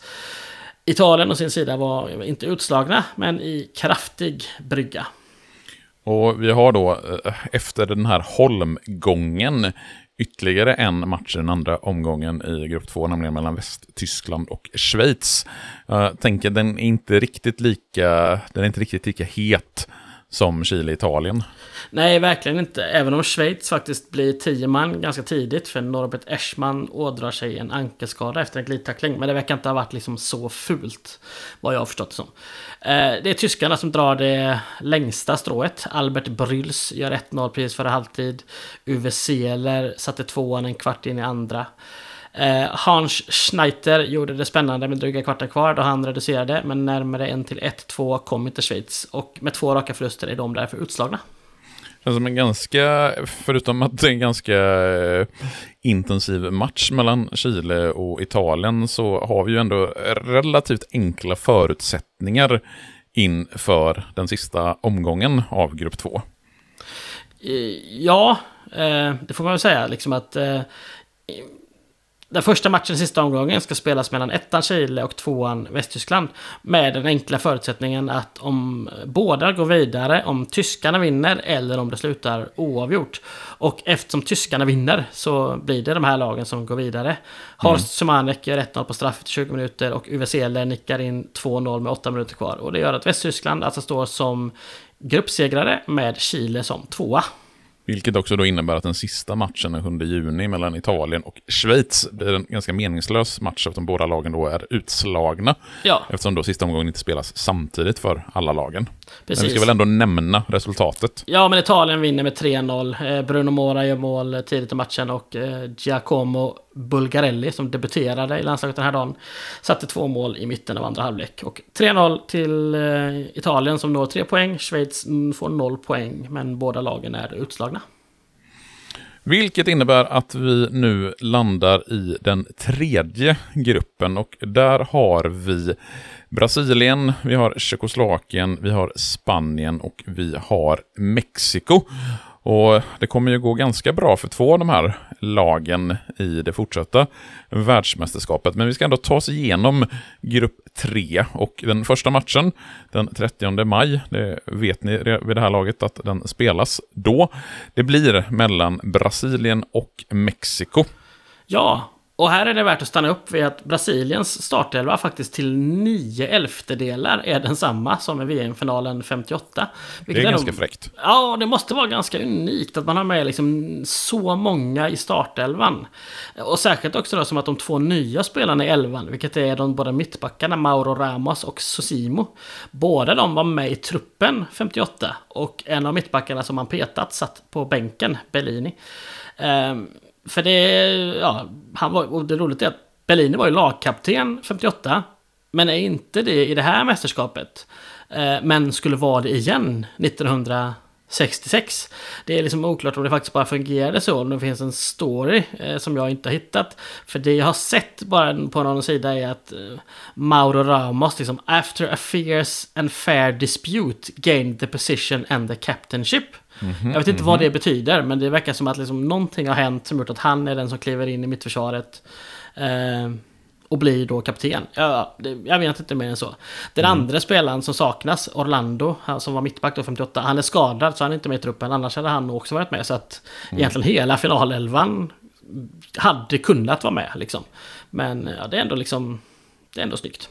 Mm. Uh, den här Mauro vill jag stanna till på lite, för han kallas ofta bara Mauro. Han är ju då ny mittback in uh, och lagkapten. Och det här måste varit ett sånt Äntligen! Han måste verkligen stått och jublat. För han, han debuterade alltså i landslaget 1948. Mm. Han kom inte med till hemma-VM 50, men var med både 54 och 58 utan speltid. Så nu, liksom, nu är han 31 år gammal och får till slut göra sin VM-debut. Det måste ändå kännas gött det. Mm, ja, verkligen. Det är vi alla glada för. Och Pelé, han har ju blivit fyra år äldre efter sin VM-debut 1958. 21 år gammal anför han Brasilien i den här första VM-matchen för deras del. Och eh, varken Pelé eller Brasilien gör väl någon besviken i den här matchen. Nej, verkligen inte. Mexikanerna bjuder på bra motstånd. Men eh, drygt 10 minuter in i andra halvlek så kommer Pelé loss och kunde lyfta bollen till eh, Mario Zagallo som då nickade in 1-0. Och vi minns ju då att Zagallo även den här gången spelar trots att han egentligen då skulle varit reserv. För den där stackars Pepe som vi pratade om i 58-avsnittet som alltså skadade sig ett par dagar före VM 58. Har skadat sig ett par dagar före det här VMet med. Men är med i truppen men kan inte spela. Mm. Eh, men Zagallo som han ber liksom inte om ursäkt för sig, utan han levererar på sin, från sin vänsterytterposition istället. Och det är ju det är sympatiskt. Mm. Eh, en kvart efter ettan satte Pelé... Eh, ja, det, det, var som att han bara bestämde sig. Han satte fart liksom en bit från höger, dribblade sig förbi fyra spelare och han kommer in i straffområdet. Och dundrar in bollen lågt med, med vänsterfoten. Verkligen som sagt, som att han bara bestämde sig att nej men nu får vi sätta tvåan liksom. Det var... Eh, jag har liksom inte sett supermycket klipp med, med honom genom åren sådär. Man har sett dem från 58 mycket liksom. Men här var det liksom, det var nästan Messi-känsla att bara ta bollen och springa in i mål med den liksom. Um, det är liksom, dribblingarna är inte alltid de smidigaste och finaste. Det är mycket liksom vinna motlägg och uh, blanda det med fantastiska finter. Men det, ja, mål gjorde han ju liksom. Mm. Um, för vi kan ju nämna det att liksom 1961 i det här väldigt märkliga brasilianska ligasystemet så har han i ligan samt kupper gjort 62 mål på 38 matcher. Och under 62 är han på väg att hamna på 48 mål på 37 matcher. Och i landslaget står han inför här tror jag, eller om det är efter det, på 26 mål på 24 landskamper. Så att liksom det, ja. Mm. Han är ju oerhört framgångsrik här i slutet på 50 och början på 1960-talet, men spelar ändå kvar i den brasilianska ligan i Santos och har inte gått till någon av de europeiska storklubbarna där det finns betydligt mycket mer pengar att tjäna. Vad, vad beror det på egentligen? Ja, men så här, det, det, är inte för att intresse saknas. Ehm, inte ska till och med ha fått eh, någon kontrakt påskrivet med honom 58. Men då ska Santons-fansen, mm, liksom, de har mer eller mindre gjort revolt. Så att det tvingades i princip fram en brytning av det kontraktet. Och även liksom the usual suspects, Real Madrid, Manchester United, Juventus, alltså storklubbarna, ska ha varit intresserade av Pelé, givetvis. Men det, det blir så att 1961 så deklarerade Brasiliens president Pelé som en officiell nationalklenod. Vilket ska innebära att han inte tillåts lämna för att spela utomlands. Utan han blir istället då Santos trogen fram till 1974.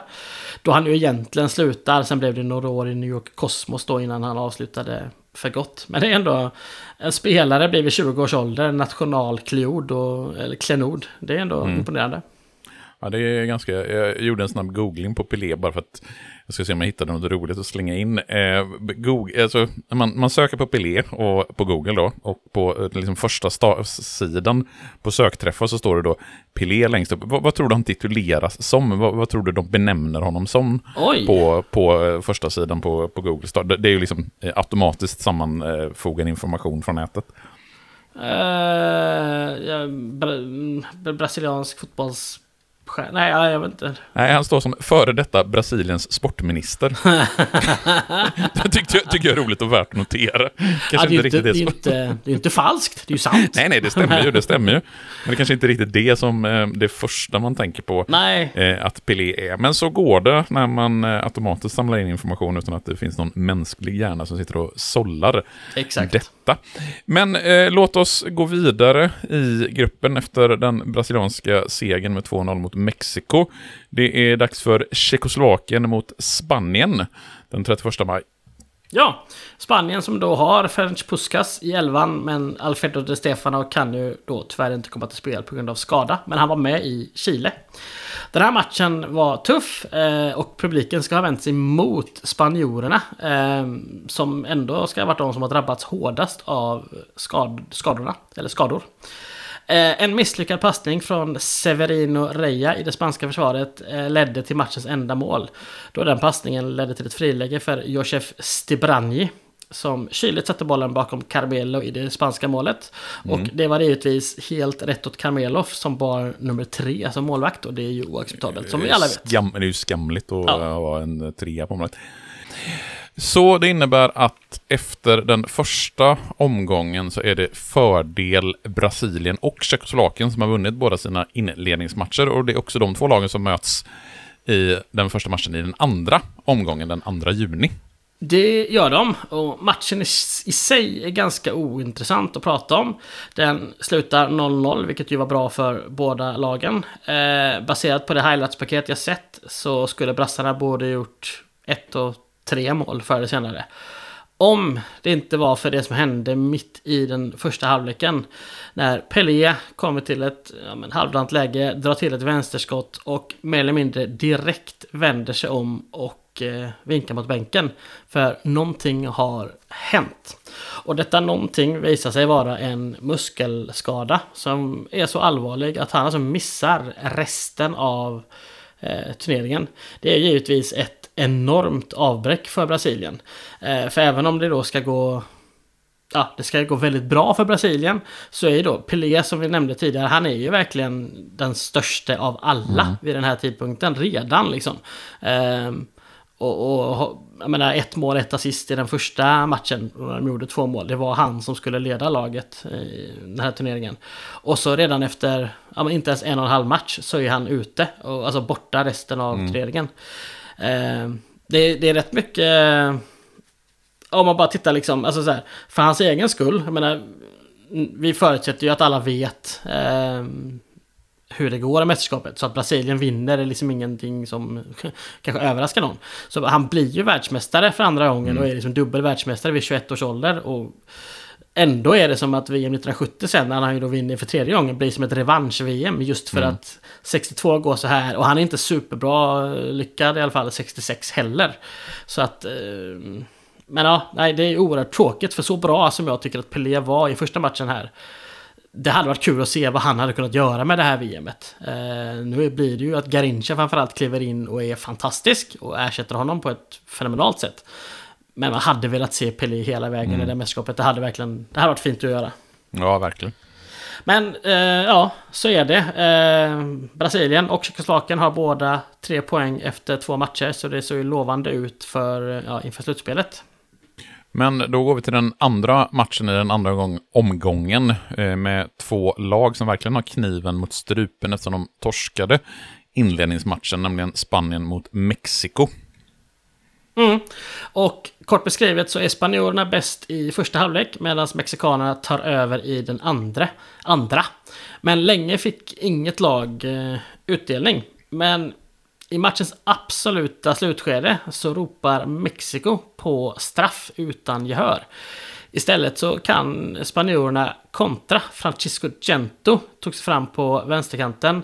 Han slog ett inlägg som nådde bort till Joaquin Peiro som ett vänsterskott i den 90 minuten sätter matchens enda mål. Och eh, efter två omgångar så var Mexiko därför utslaget med två raka förluster. Medan Brasilien, Tjeckoslovakien och Spanien alla har chansen att gå vidare. Och då vet vi sedan tidigare att de sista matcherna, eller de eh, två sista matcherna i den här gruppen inte spelas på samma dagar.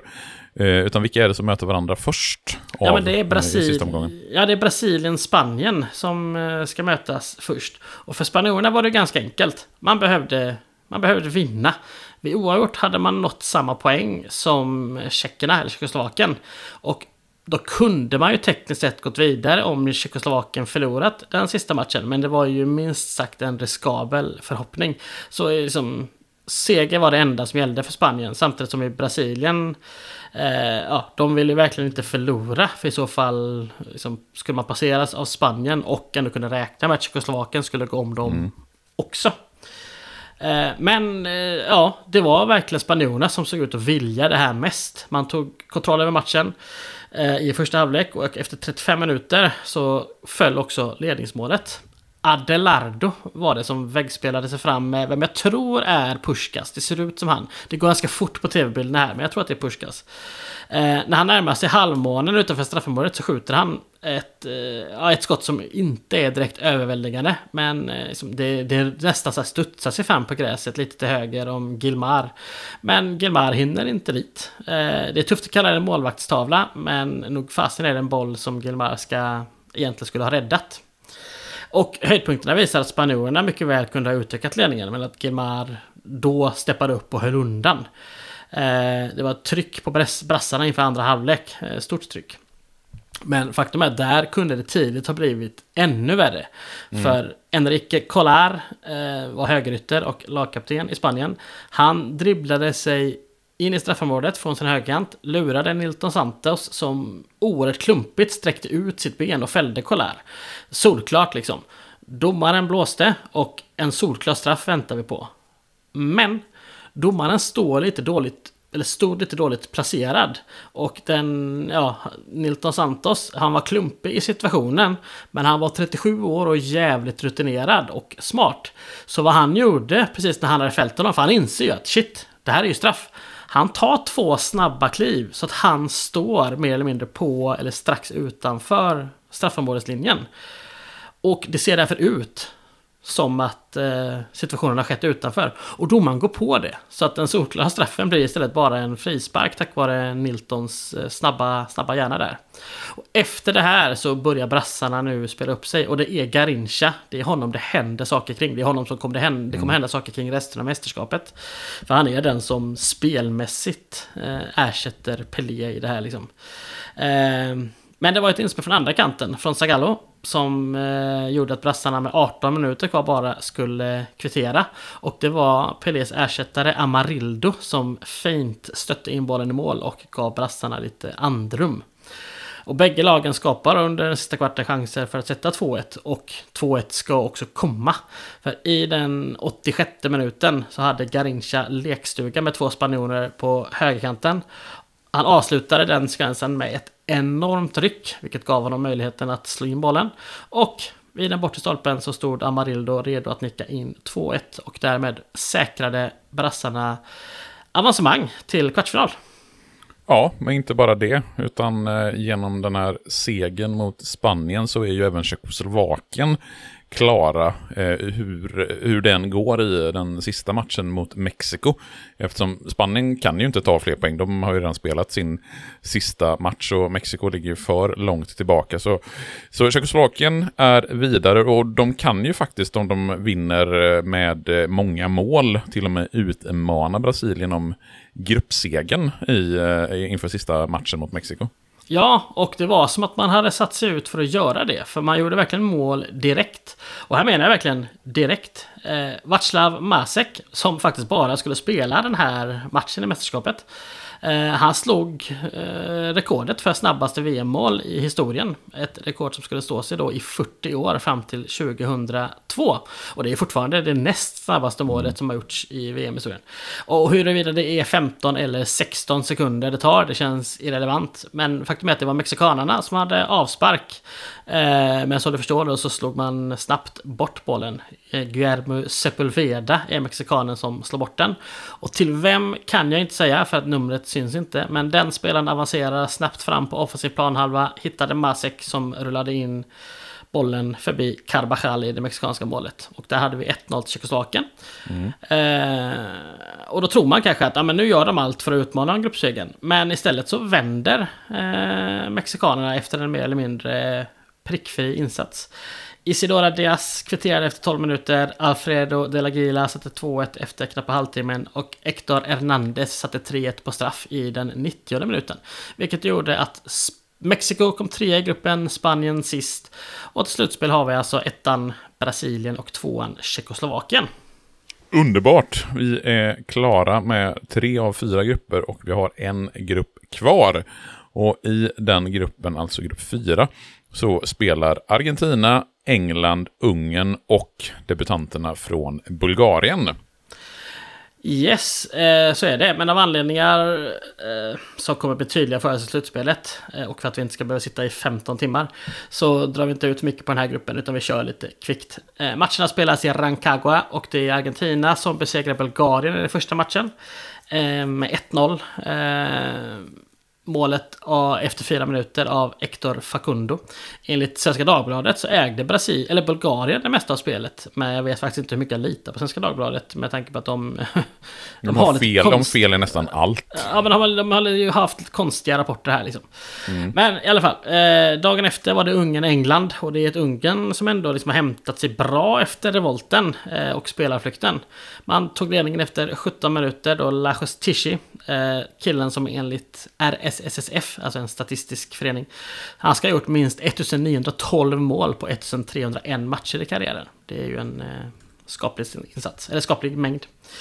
Eh, men han gjorde 1-0. Eh, Ron Flowers kvitterade på straff efter en timme, men 10 minuter senare satte Florian Albert 2-1 till Ungern, som gick vinnande ur matchen.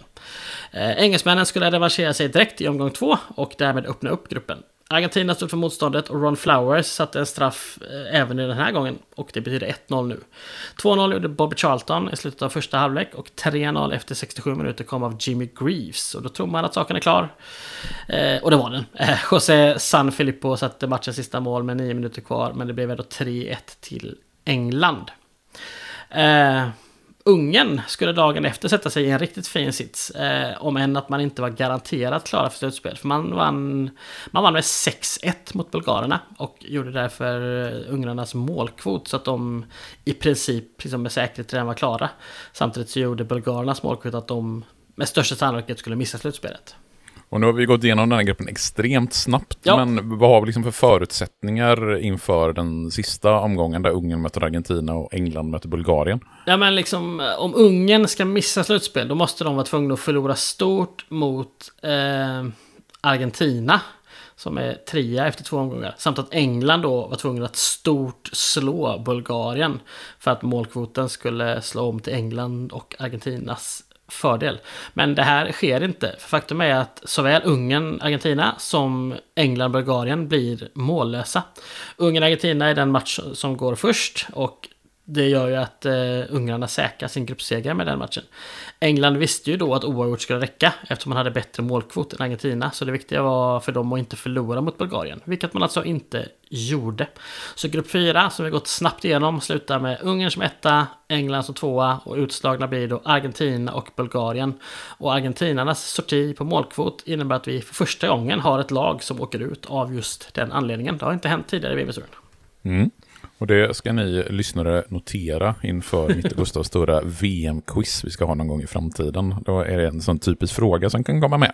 Vilket var det första laget som åkte ur VM på grund av målkvot? Och då vet yes. ni, det var Argentina VM 1962. Men vi har eh, därmed tagit oss igenom de fyra grupperna. Vi har åtta kvartsfinallag klara. Och slutspelsträdet, det är ju lottat på förhand, precis som det var i VM 1958, vilket innebär att vinnaren i grupp 1 möter tvåan i grupp 2 och tvärtom. Och det innebär att vinnaren i grupp 3 möter tvåan i grupp 4 och tvärtom. Och det innebär ju för er som för kalender och bok eh, på det Gustav har berättat, så har vi alltså följande kvartsfinaler. Vi har Sovjetunionen mot Chile vi har Brasilien mot England, vi har Västtyskland mot Jugoslavien och vi har Ungern mot Tjeckoslovakien. Visst är det så?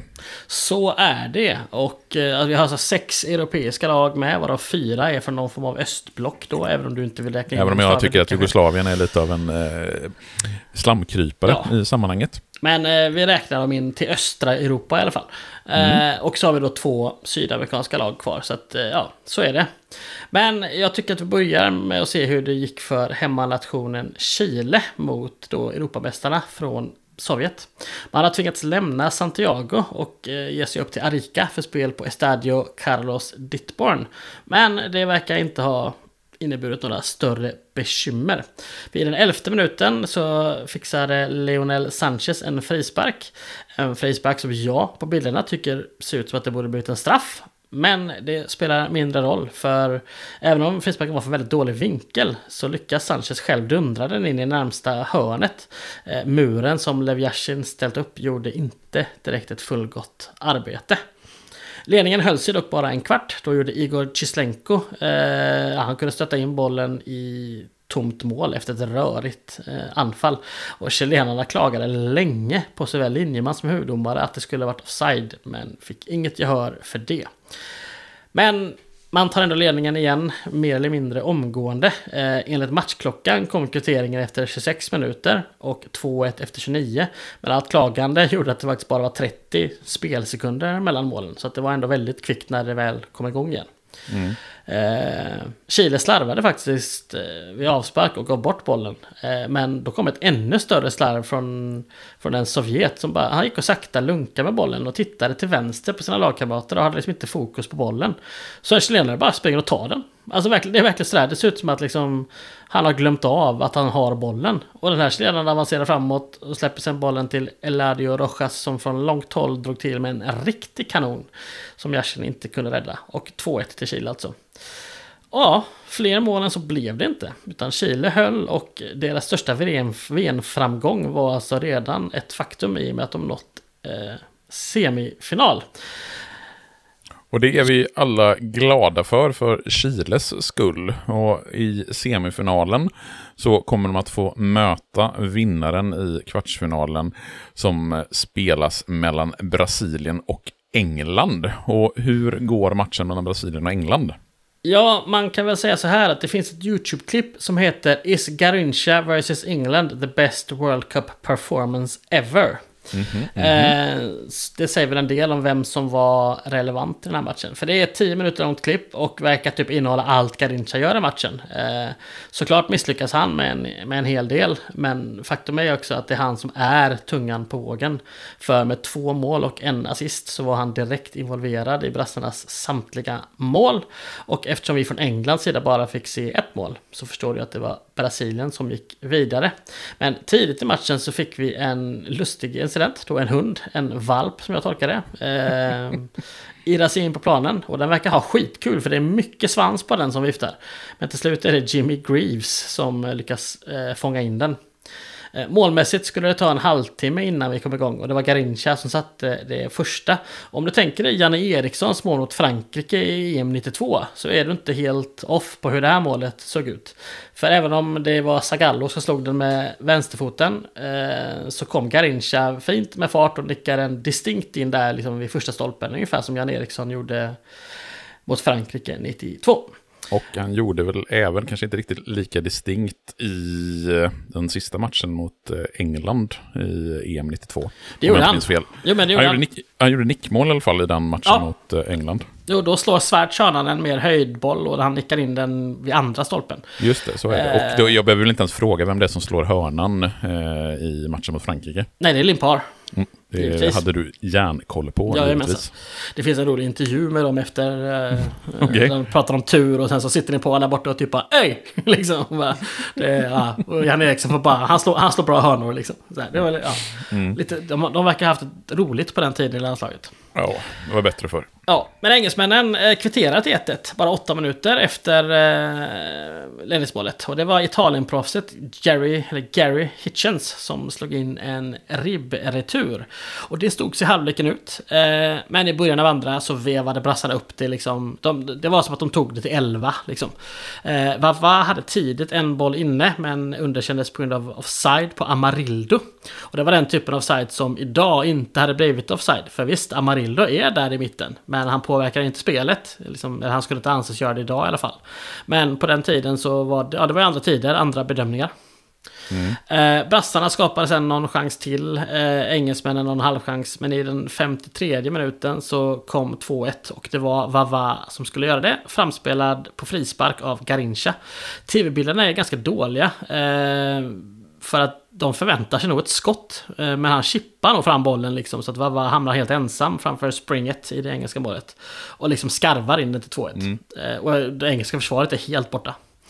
Och sex minuter senare så sätter då Garincha 3-1.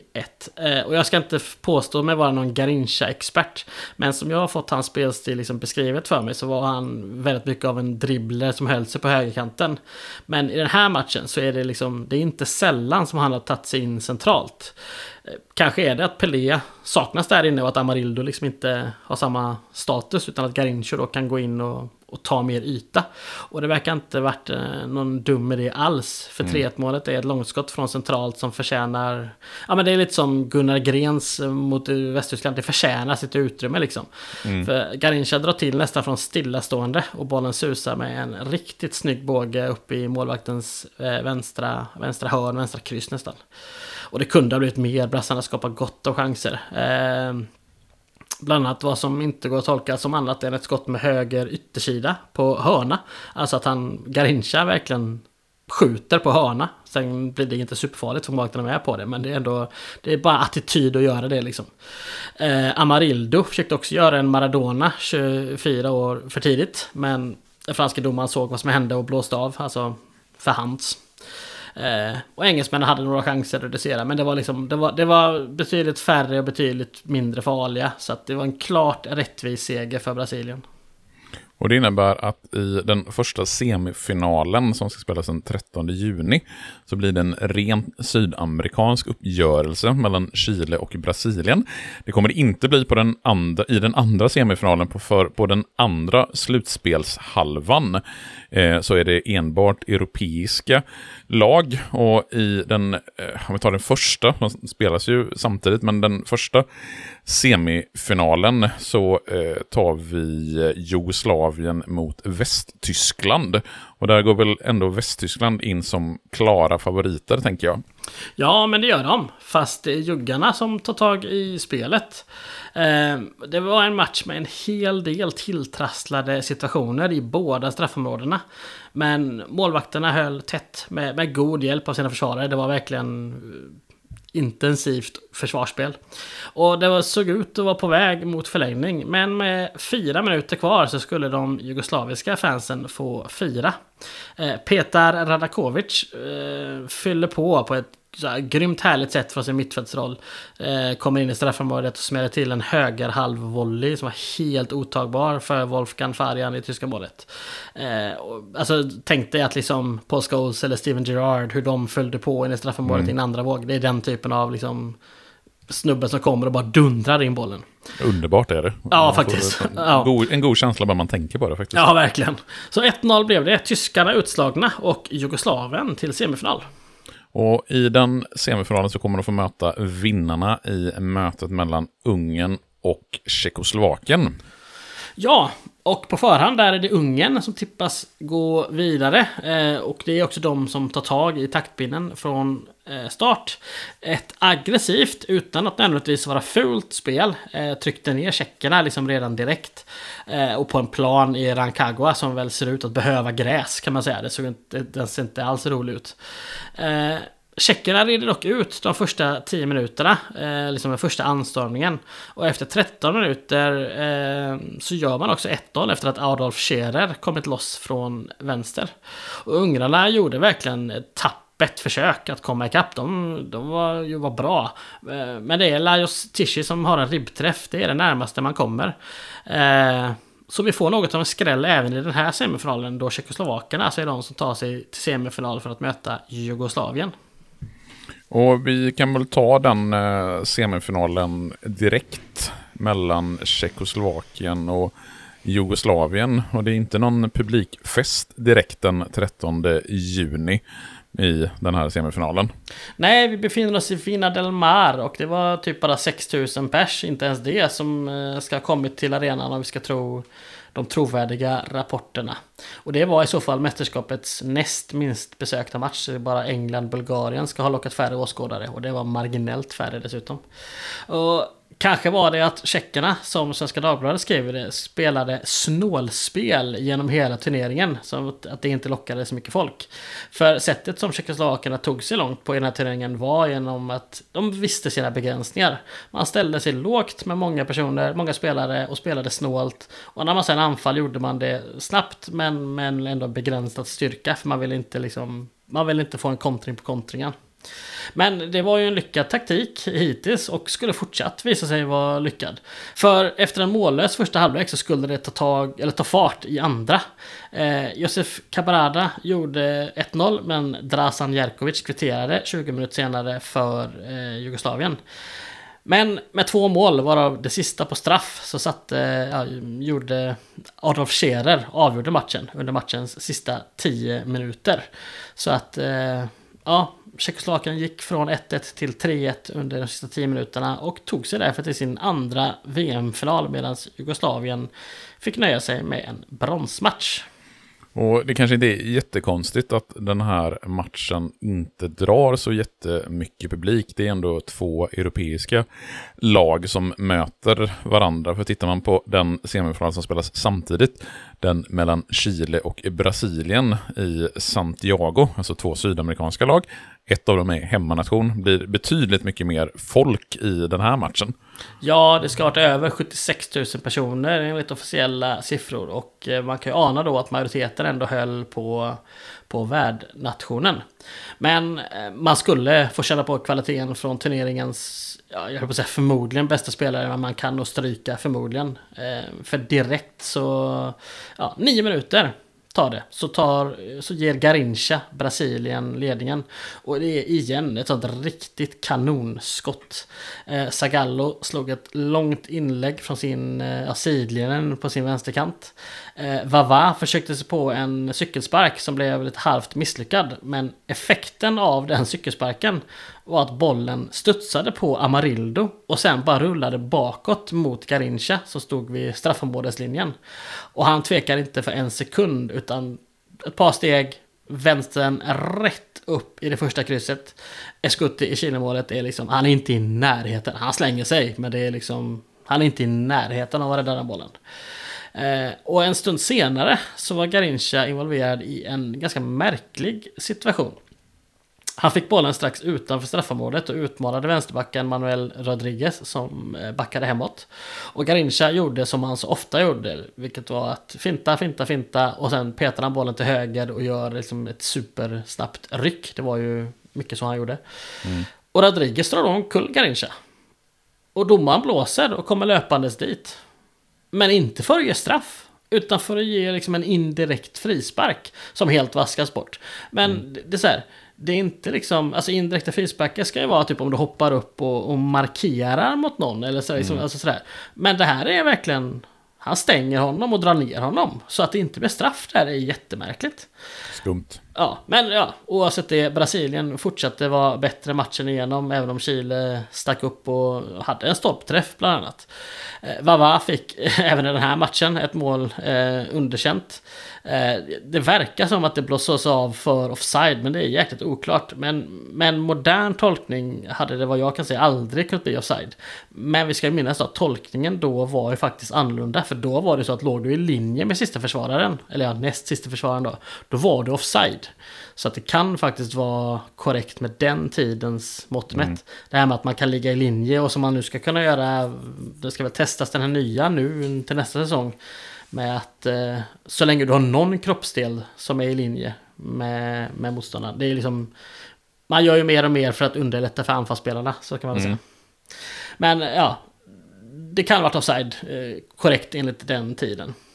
Men efter en dryg halvtimme så fick vi nästan en repris på Garinchas första mål i, i kvartsfinalen. För slog en hörna och Garincha kom i Jan Eriksson-stil och skallade in 2-0 till Brasilien. Och de chilenska fansen gillade inte vad de såg från läktaren.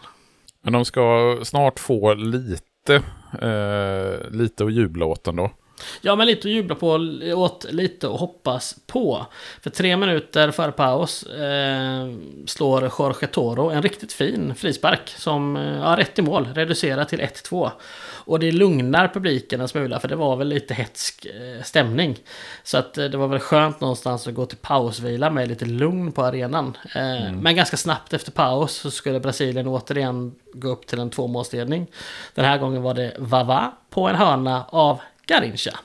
Mm. Kanske borde målvakten ha fått undan bollen eller åtminstone låtit försvararen som stod på linjen göra jobbet. Men det blev inte så utan bollen studsade i mål och Brasilien ser ut, ser ut att susa mot final. Men eh, det är inte riktigt avgjort än, trots allt. Nej, eh, chilenarna, alltså, de gör ändå liksom en klart godkänd ett godkänt försök. Eh, kvarten in i andra halvlek så fick Sosima bollen på sin utsträckta arm och han befann sig i eget straffområde. Det gjorde att Leonel Sanchez kunde kliva fram och rulla in bollen enkelt och det var alltså 2-3. Chile hade kontakt återigen. Och därefter har också Chile ett antal ändå i alla fall hyfsade, ganska heta kvitteringschanser. Men man får inte riktigt till det. Utan istället kunde Zagallo med 12 minuter kvar lyfta in ett inlägg som Vavan nådde först på och han skarvade skickligt in bollen i mål. Och då hade vi 4-2 och matchen till slut då punkterad. Mm. För när det är dryga 10 minuter kvar och Brasilien har en tvåmålsledning så tänker man ändå att de kan spela av matchen, inte göra några dumheter, hålla sig lugna och därmed se fram emot finalen utan några problem, eller hur? Det tycker man ju, men icke sa Nicke. Eh, vi skulle faktiskt få se två utvisningar till under match, eller i den här matchen, eh, under matchens sista tio minuter. Den första drabbar ju då Chiles Honorino Landa, alltså han som blev kickad i, den, i slaget om Santiago. Eh, han blev något bryskt stoppad av Sito och svarade med att ge en spark, alltså en måtta en spark mot brassen. Och eh, det uppskattades inte av domaren Arturo Yamasaki, som det givetvis på namnet hör att han är från Peru. Eh, som visar ut Landa. Eh, Tv-bilderna visar igen den här roliga killen i vitt som var framme vid Landa liksom för att typ, prata med honom när han gick av planen och sen visa sin skylt. Det, ja, jag älskar den roliga killen, det är typ mm. största behållningen. Men här tycker man ju då att okej, okay, man har 4-2, man är en man mer. Nog borde brassarna bara kunna liksom spela av matchen. Eh, men nej. För när bollen är i brassarnas backlinje så stannar spelet helt plötsligt upp. Alltså vi ser inte vad som händer. Eh, för kamerorna lyckas inte fånga det. Men det som har hänt är helt enkelt att Garincha ska ha sparkat ner Chiles Eladio Rojas och han blir, eh, tvingas bli buren av planen. Jag tror han återkommer sen, men han bär känna av planen för att liksom ja, mm. återhämta sig. Men domaren verkar inte ha sett situationen. Men efter samråd med sin linjeman så visar han ut Garincha. Så att med liksom några minuter kvar går en uppenbart skyldig också Garincha och väldigt ursäktande för kan lunka runt planen för att komma till sitt avbytarbås. Eh, han ska ha fått någonting kastat på sig där från publiken men det verkar ändå ha gått okej okay, så vi behöver inte fastna fastnat för mycket på det. Men efter de här incidenterna så spelades matchen alltså av och Chile hade några små chanser men Brasilien tog sig ändå hyfsat bekvämt till sin andra raka VM-final. Men där man nu då alltså ska förklara sig utan sin absoluta stjärn, ja, superstjärna Pelé. Men också utan Garincha som då har varit liksom turneringens bästa spelare hittills. Och Chile å sin sida, de får ju då spela bronsmatch. Och den bronsmatchen får ju då spelas mot eh, förloraren i den andra semifinalen, nämligen Jugoslavien. Och det är väl kanske ingen match som direkt går till historien, så låt oss städa av den ganska snabbt, tänker jag. Ja, ja nej men vi ska såklart inte förringa Chiles liksom enda VM-medalj, för, för det är ju så det slutar med, med att Chile tar bronset. Eh, men matchen i sig är kanske ingen höjdare. Det satt långt inne. Matchens enda mål faller faktiskt i den 90 minuten. Ehm, Eladio Rojas fick bollen vid mittlinjen, avancerade framåt och kanske 10 minuter utanför straffområdet så väljer han att skjuta. Det blev ett ganska dåligt skott och var förmodligen på väg en hyfsad bit utanför.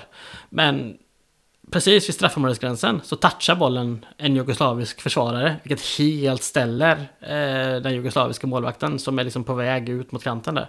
Så bollen rullar snöpligt in ganska mitt i mål. Så där får Chile 1-0 och de tar alltså då bronset. Mm. Och grattis till Chile att ändå ha tagit en medalj i hemma-VM. Verkligen. Det får vi väl eh, lyfta på hatten för. Det får vi göra. Men vi har en match kvar i turneringen och den ska ju då spelas mellan Brasilien, regerande världsmästare, och Tjeckoslovakien som spelar sin andra VM-final. Och den här matchen spelas ju på Stadio Nacional i Santiago.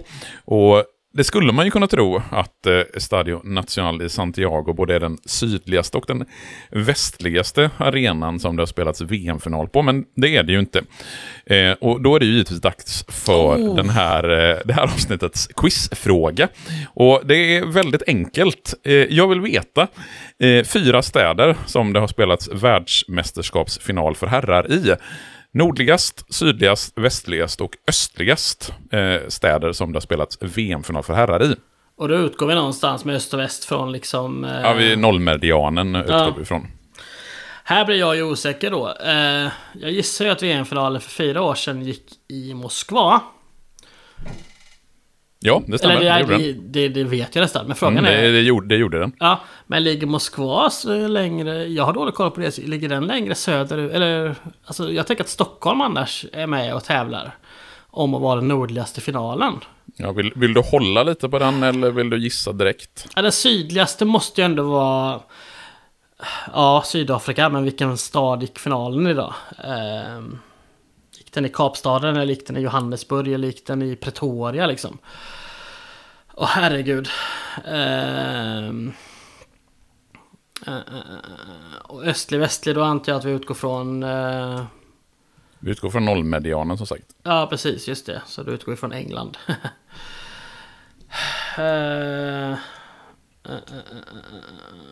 Det här... är ju... Nu måste jag tänka. Jag behöver få upp en mental karta i huvudet liksom. Um...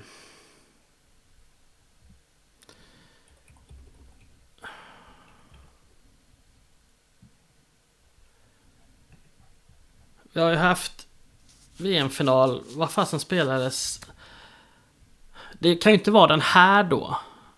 Uh, ja, jag, jag trodde att du skulle ha lite lättare för den här faktiskt. Jag trodde att jag hade gjort den lite för enkel den här gången. Aha. Men det var det uppenbarligen inte. Jag är dålig på öst och väst. Okay. Du är dålig på väderstreck, det är Nej, det men, som är problemet alltså. Uh, jag, jag, säger sydligaste, säger jag Johannesburg. Jag just mm. tänker att det var där den spelades. Mm. Mest norra säger jag Stocka Solna då, säger mm. jag. Eller Stockholm, beroende på hur ja, du vill ha. Ja, det, det, det, det är rätt. Eh, ja. Det är ju Solna om vi ska vara petiga. Ja. Det, det står faktiskt eh, Stockholm på den här rssf.org ja. som jag hämtat informationen ifrån. Men all, alla vet ju att det är Solna. Uh, när VM gick i Japan, Sydkorea. Hade Tokyo eller hade Seoul finalen liksom? Jag tänker att mycket mer väst österut kan vi inte ha kommit. Eh, jag säger Tokyo. Mm. Och som backup säger Seoul. Eh, och åt andra hållet spelades inte finalen 94 på Rose Bowl, alltså i Pasadena. Så det säger jag som den västligaste då. Så eh, om vi då ska sammanfatta dina svar. Du säger Solna, Råsunda på den nordligaste. Ja, Du säger Johannesburg på den sydligaste. ja. Du säger Rose Bowl Pasadena på den västligaste. Vad sa du på den östligaste? Nej, jag ändrar mig. Jag säger, fan, jag säger Seoul. Alltså att det spelas i Korea finalen. Eh, du skulle inte ändrat dig där. Gick i Eh, Tokyo? Nej, det, det är egentligen Yokohama som Jaha. final. Men, men det, det ligger så pass nära Tokyo. Det ligger där man kallar för Greater Tokyo Area. Ah, ja. Så hade nog, jag hade faktiskt gett dig rätt för Tokyo, även om det kanske inte är rent tekniskt där Tokyo. Jag ändrar mig inte.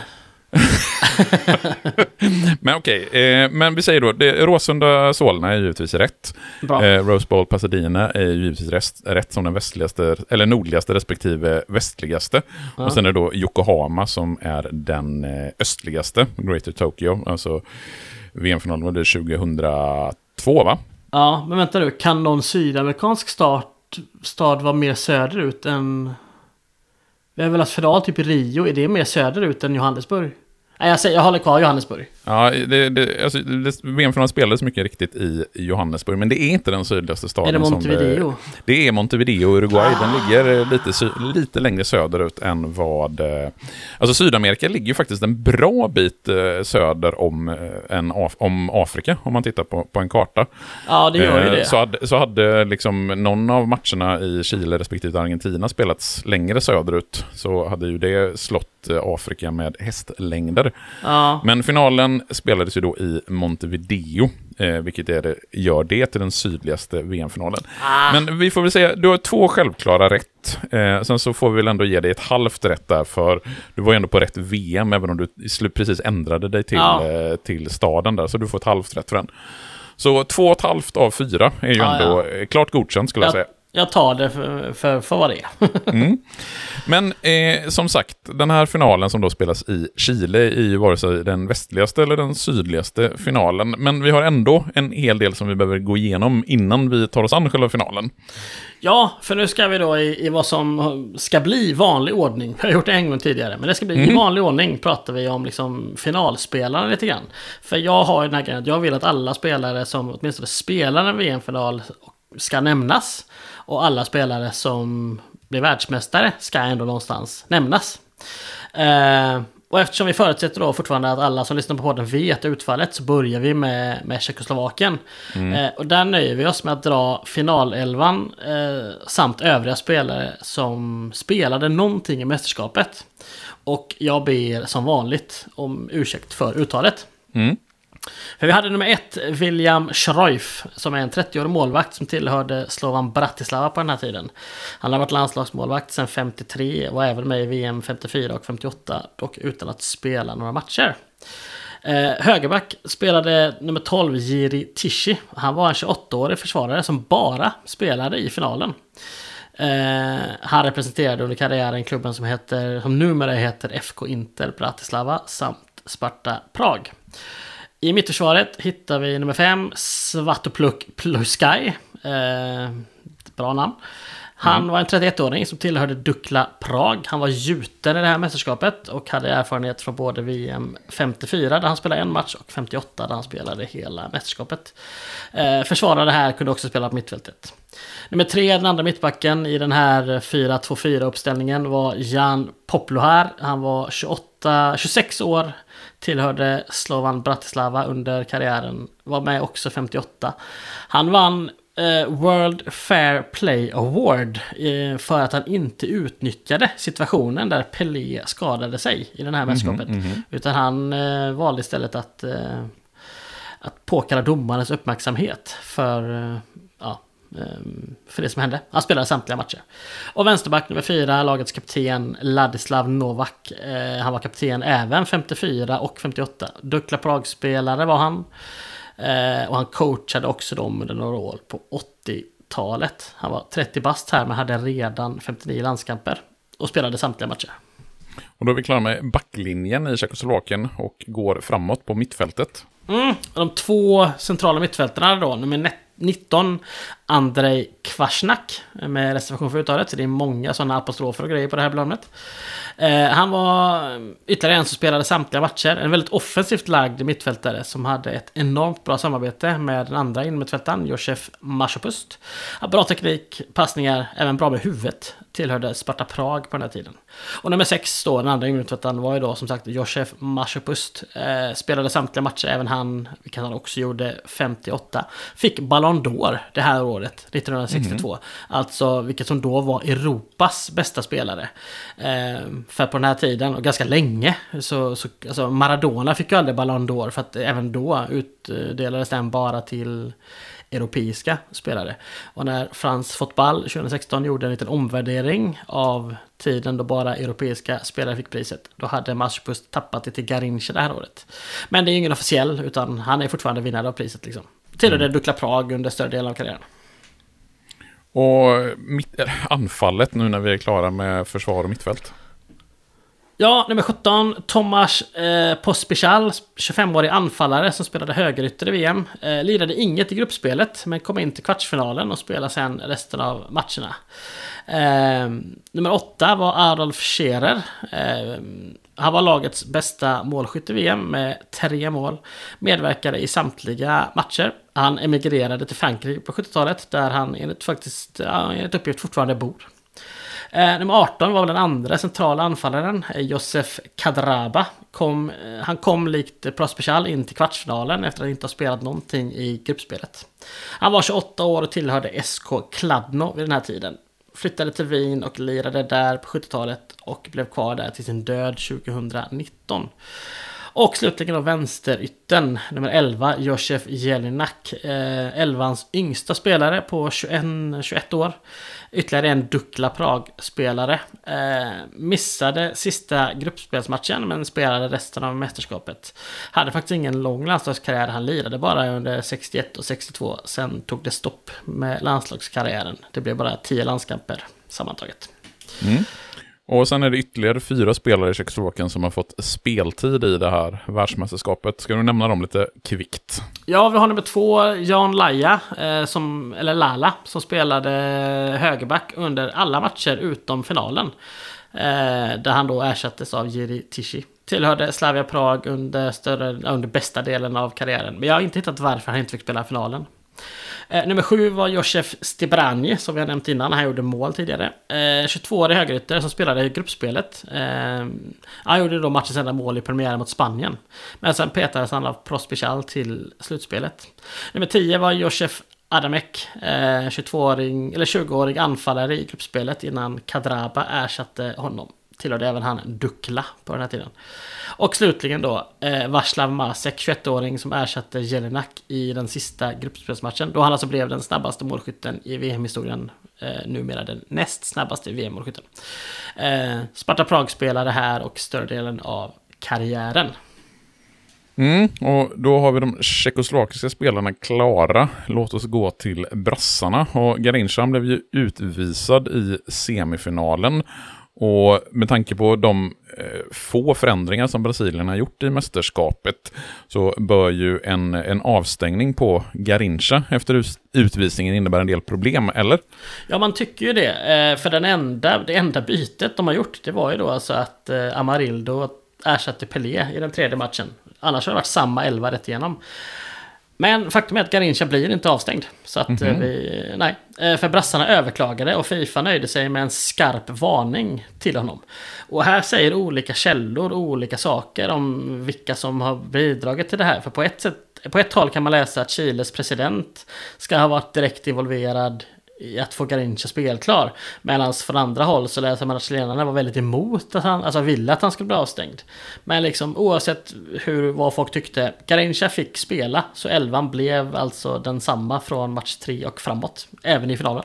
Eh, ja, men då så går vi igenom den brasilianska truppen ordentligt. Vi börjar med reserverna som inte spelade och sen den elva som faktiskt ställs ut på eh, nationalstadion i Chile. Eh, och vi kanske gör det lite kvickare än vi brukar i och med att 14 av spelarna var med för fyra år sedan och de har du redan pratat om. Och de åtta som inte var med då så är det bara en av dem som, in, eh, som fick speltid. Ja, precis.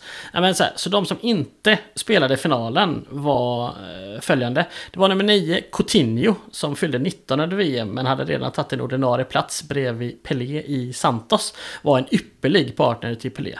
Det var en oerhört kylig avslutare, gjorde 368 mål på 457 matcher i Santos. Tyvärr var han tvungen att avsluta karriären redan som 30-åring på grund av eh, knäskador. Han skulle, inom citationstecken, varit ordinarie men skadas just för det VM även han och lyckades sedan aldrig ta tillbaka platsen. Eh, så att ja, han fick inget speltid. Nummer 10, Pelé. Jag tänker liksom inte ens nämna, alltså så här, alla vet. Mm, och vi kommer att prata om honom Ja. i, komman, i VM 70 också. Så att, Ja. Eh, Pepe var ju då världens mest otursförföljde spelare, eller vad vi kallade honom. Eh, han missade VM på grund av skada 58 och 62, men var kvar i trupperna båda gångerna och är därför dubbel världsmästare utan att ha gjort en match. Nummer 12 var en försvarsreserv som hette Jair Marinho. Han tillhörde Fluminense, han var 25 år gammal och hade gjort fyra landskamper före VM och det blev inga fler efter VM. Nummer 13 var ju då Bellini som var kapten sist. Nu var han 35 år, eller 31 år och var reserv. Eh, han hade bytt från Vasco da Gama till Sao Paulo. Det var det som hade hänt i hans karriär mellan 58 och 62. Nummer 14 var Sjörandir, en 21-åring som tillhörde Sao Paulo och han var reserv i mittförsvaret. 15 Altair, en 24-åring som sammanlagt gjorde 18 landskamper. En one club man som tillhörde Fluminense genom hela karriären. Nummer 16, Sekinja, en 27-årig mittfältare från Palmeiras. Sammanlagt 16 landskamper, varav och två mål på de här. Eh, nummer 17, Mengalvio, en 22-åring som njöt av livet som mittfältare i Santos med ja, alla världsstjärnor.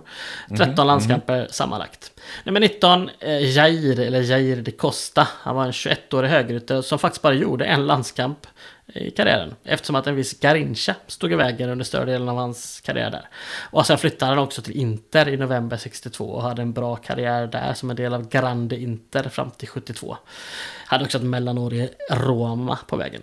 Castillo eh, med nummer 22 var målvaktsreserv. Han var nu 34 bast. Vi pratade om honom sist också. Och därmed så är det finalelvan kvar och då har ju åtta spelare spelat finalen 58 och två av dem satt på bänken. Så de här namnen har ni ju hört tidigare, men vi drar igenom ändå Ja, elvan lite snabbt. De ska nämnas. Och vi har nummer ett. Han fick nummer ett i det här mästerskapet i alla fall. Gil, ja, Gilmar. 31 år gammal nu, hade bytt eh, klubb eh, sen 58. Från Corinthians till Santos. Nummer två, eh, Jalma Santos, högerbacken som nu var 33, hade bytt från Portuguesa till Palmeiras. Till skillnad från 58, då spelade han ju bara finalen. Så spelade han ju nu då samtliga matcher den här gången. Nummer tre, eh, Mauro, eller Mauro Ramos. Han var reserv 58, kapten nu och eh, spelade numera i Santos. Nummer fem, Sosima. Han var precis som eh, Mauro Ramos så var han reserv 58, men nu då helt ordinarie. Nummer sex, vänsterbacken eh, Nilton Santos var lika ordinarie nu som 58, trots att han alltså var 37 år gammal.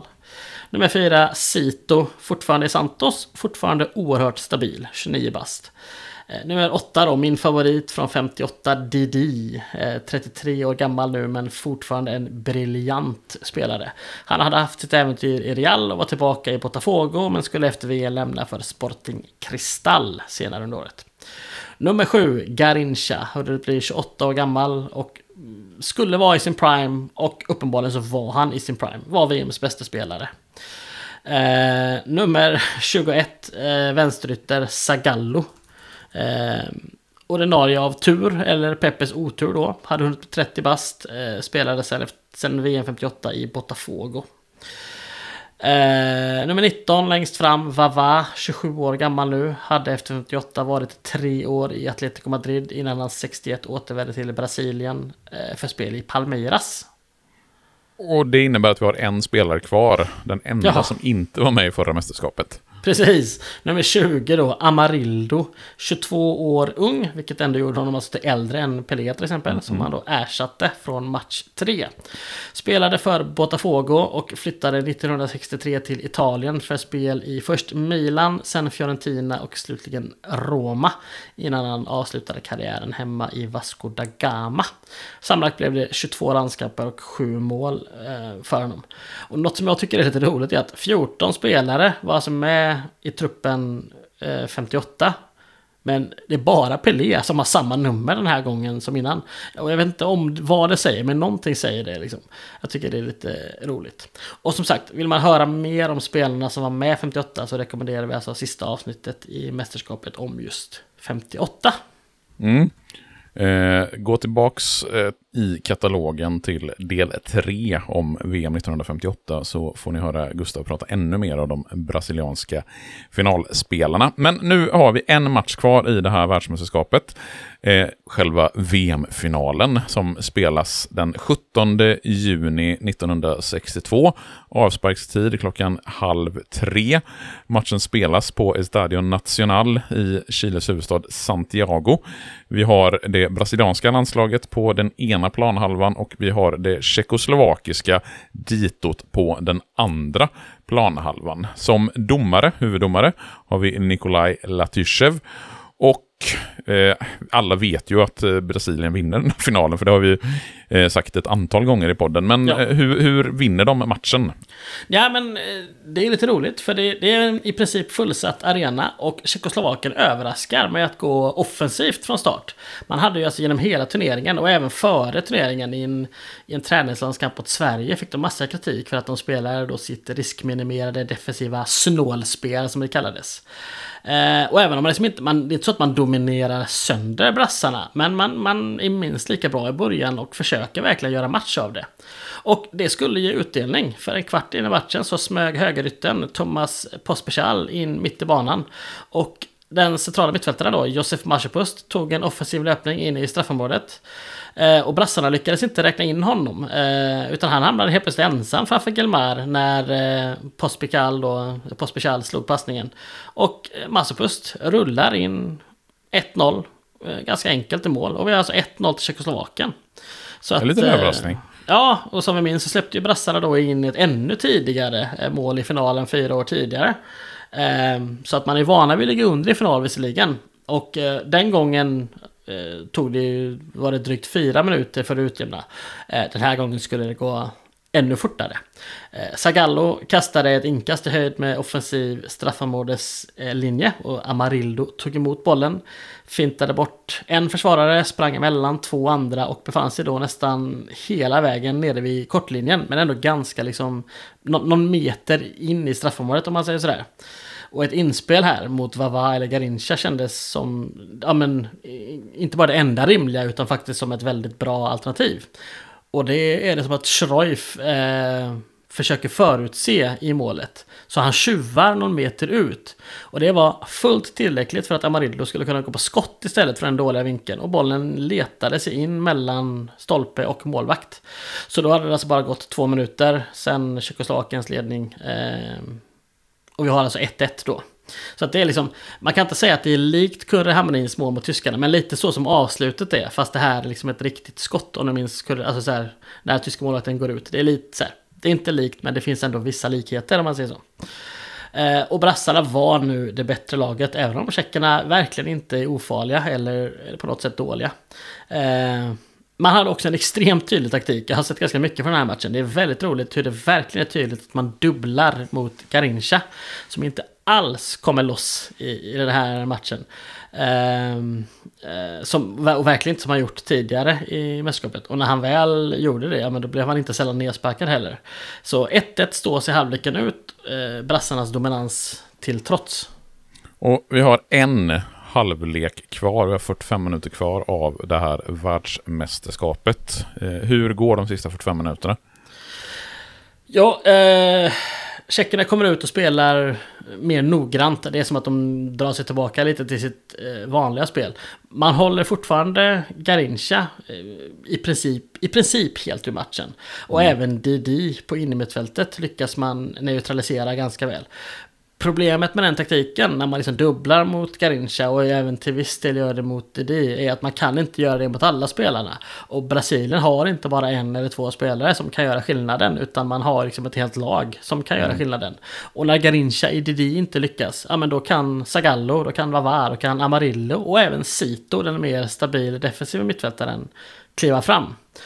Och det är de två sistnämnda, Amarildo och Sito, som skulle se till att Brasilien tog ledningen med 20 minuter kvar. Eh, Amarildo fick en boll att löpa på in, eh, in i vänster del av straffområdet och hamnar nästan nere vid kortlinjen. Där han fintar ett inlägg med vänstern och istället får han ganska gott om yta att chippa in bollen eh, med högen mot bortre stolpen. Och där har eh, hårdjobbaren Sito fullt, eh, fyllt på och en ganska enkel nick i tombur för bollen går över målvakten.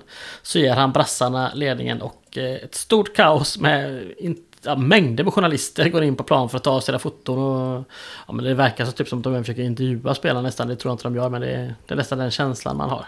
Mm. Sen har Tjeckoslovakien bud på, på straff när bollen tar på Hjalmar Santos eh, hand. Men den ryske domaren väljer att eh, fria. Och istället, istället skulle den normalt så stabil Schreuf i det tjeckiska målet stå för eh, ytterligare ett misstag. Och det första målet han släpper in är ju ett misstag att han tar klivet ut. Det är ett förståeligt misstag, men det är ändå liksom, det, det, är ett misstag. Det här är ett ännu större misstag. Jag tror att det är Jalma Santos som, som slog en höjdboll liksom in mot mitten av straffområdet från, från höger. Och den har ju nästan så här, den har snö på sig, den är så högt upp i luften. Eh, och Shoif ska liksom ganska, han ska bara enkelt ut och plocka ner den. Men på något sätt, det, vissa skriver att han får solen i ögonen, men i alla fall, han hamnar lite fel, han hamnar i obalans. Mm och går ut lite för långt. Så att han lyckas fånga bollen men han tappar den sen bakom sig. Och där är Vava blixtsnabb och bara liksom i öppen bur så kan han stöta in bollen till 3-1. Och då är det bara 12 minuter kvar. Så mm. tjeckerna liksom på slutet, de gör sitt bästa för att få till en reducering. Men man är inte så nära. Utan för andra gången i rad så har Brasilien eh, blivit världsmästare. Mm, och vi är färdiga i princip med eh, VM 1962 som spelas i Chile med mm. början den 30 maj och med final den 17 juni 1962. Känslan eh, är ju att det här har varit ett lite lite, eller betydligt mer målsnålt VM. Vi har ganska mycket 0-0 matcher och eh, mer tillknäppt spel. Eh, vad har vi liksom för känsla? Om vi liksom skippar känslan och tittar liksom rent på statistiken på gjorda mål och skytteligavinnare och sånt där. Stämmer den här bilden? Det gör den, för det spelas ju då 32 matcher och görs 89 mål. Vilket ger ett snitt på 2,78 mål per match. Och det här mm. kan vi jämföra då med, med de tre tidigare. Det har varit 4,0, 5,38 och sen 3,6 då i, i de tre föregående mästerskapen. Så mm, och det är ju det, ganska alltså, märkbar skillnad skulle jag säga mot de ja, tre tidigare mästerskapen. Verkligen, framförallt då mot 54 där det då var 5,38. Det är mm. ju ja, nästan dubbelt liksom. Mm. Eh, men vi, så att det går, med tiden här går det sakta stadigt neråt. Men 2,78 är ju ändå över de senaste mästerskapen. Så att liksom vi, det, mm. det är ändå fortfarande, sett med dagens mått mätt, är det ändå förhållandevis mycket mål. Men inte mm. alls så mycket som, som sist ju. Mm. Eh, och så, ja, skytteligan. Eh, det här är faktiskt, eh, den vanns av rekordmånga spelare på mm. rekordlåga mm. mål. För det är alltså mm. fyra mål som räckte för att vinna skytteligan. Och det var ju då brassarnas Garincha och Vava. Eh, det var Leonel Sanchez från Chile, Florian Albert från Ungern, Valentin Ivanov från Sovjet och Drasan Jerkovic från Jugoslavien. Och det här är första gången som mer än en spelare vinner skytteligan. Och det har mm. faktiskt bara hänt en gång till. Och det här är så här, det är inget riktigt quiz, men jag vill bara, när hände det? Som eh, två spelare vann eh, skytteligan. Precis. Det måste väl ha varit 94. Stämmer. Då eh, ska vi se. Det är ju Salenko som eh, gör, liksom, vinner skytteligan trots att Ryssland åker ut i gruppspelet. De har ju fem, fem mål mot Kamerun där i sista ja. matchen. Och sen är det väl Stoichkov. Så är det. Som snuvas av Ravelli i Ja. eh, bronsmatchen som, jag tror det är väl Bosse Hansson som kommenterade den matchen. Eh, där eh, Stoichkov mycket väl skulle kunna ha gjort ett mål och vunnit eh, skytteligan i Ja. ensam majestät. Verkligen. Men det innebär ju också att Kenneth Andersson hade ju vunnit eh, skytteligan i VM 62 på sina fem mål. Ja, precis. Nej men, ehm, man har ju gått eh, så här, för att undvika så har man ju liksom, jag tror att det är väl först mest antal mål och sen om det lika så är det antal assist och sådär liksom numera. Men på något sätt så f- 94 tror jag att det blev så pass lika att man valde att ge den till båda. Vilket ju jag kan tycka är fair mot Salenko då, som är faktiskt den enda som har vunnit skytteliga, VM-skytteliga utan att gå vidare till slutspel. Eh, vilket ju är starkt jobbat ändå liksom. Eh, Men ja, i det här VMet då, 62 om vi går tillbaka, så sex spelare visas ut och officiellt var det 893 174 åskådare som bevittnade matcherna. Eh, publiksnittet då blir 27 912, men det är såklart tar vi alltid det med en en rejäl nypa salt. En stor nypa salt. Ja, antalet arenor var fyra i lika många städer och slutligen alltså Chile, brons, Tjeckoslovakien, silver och Brasilien, guld. Och känner du dig nöjd med eh, redogörelsen för VM 62 i de här två avsnitten som vi har tagit oss igenom? Och de dryga två timmar som vi har lagt på själva slutspelet? Ja, eh, väldigt detaljerat har vi valt att gå in på det, men jag tycker ändå att det, det förtjänas. Det här VMet anses ju ofta kanske vara, ibland kallas det det bortglömda och ibland det sämsta sådär liksom. Och jag har ändå sett ganska mycket från det här mästerskapet nu. Jag tycker, alltså, så här, utan att jämföra med något annat VM, så tycker jag, ja, men, jag tycker att det här håller sin plats. Alltså det har, det har eh, målrika matcher, det har storstjärnor som är bra ifrån sig, det har, det har eh, känslor, det har, ja, men det har det mesta liksom. Eh, för mig låter, känns det lite som bitterhet för Europa, att man liksom inte kunde sända matcherna live. Det var väl typ så här att någon match visade, så här, spelades på onsdagen och på, det var på fredag kväll som det visades på svensk eh, tv. För då hade liksom rullarna med film kommit över Atlanten, typ sådär liksom. Eh, och det är klart att det blir annorlunda när det, det går så långt bort och ur svensk synvinkel att Sverige inte är med. Men jag tycker... eh, Jag hade inte så bra koll på 62 sen innan. Jag hade koll på det här snabba målet och, och sådär liksom. Men jag är glad att ha fått eh, gå in i detalj på det. För jag tycker verkligen att det har sin...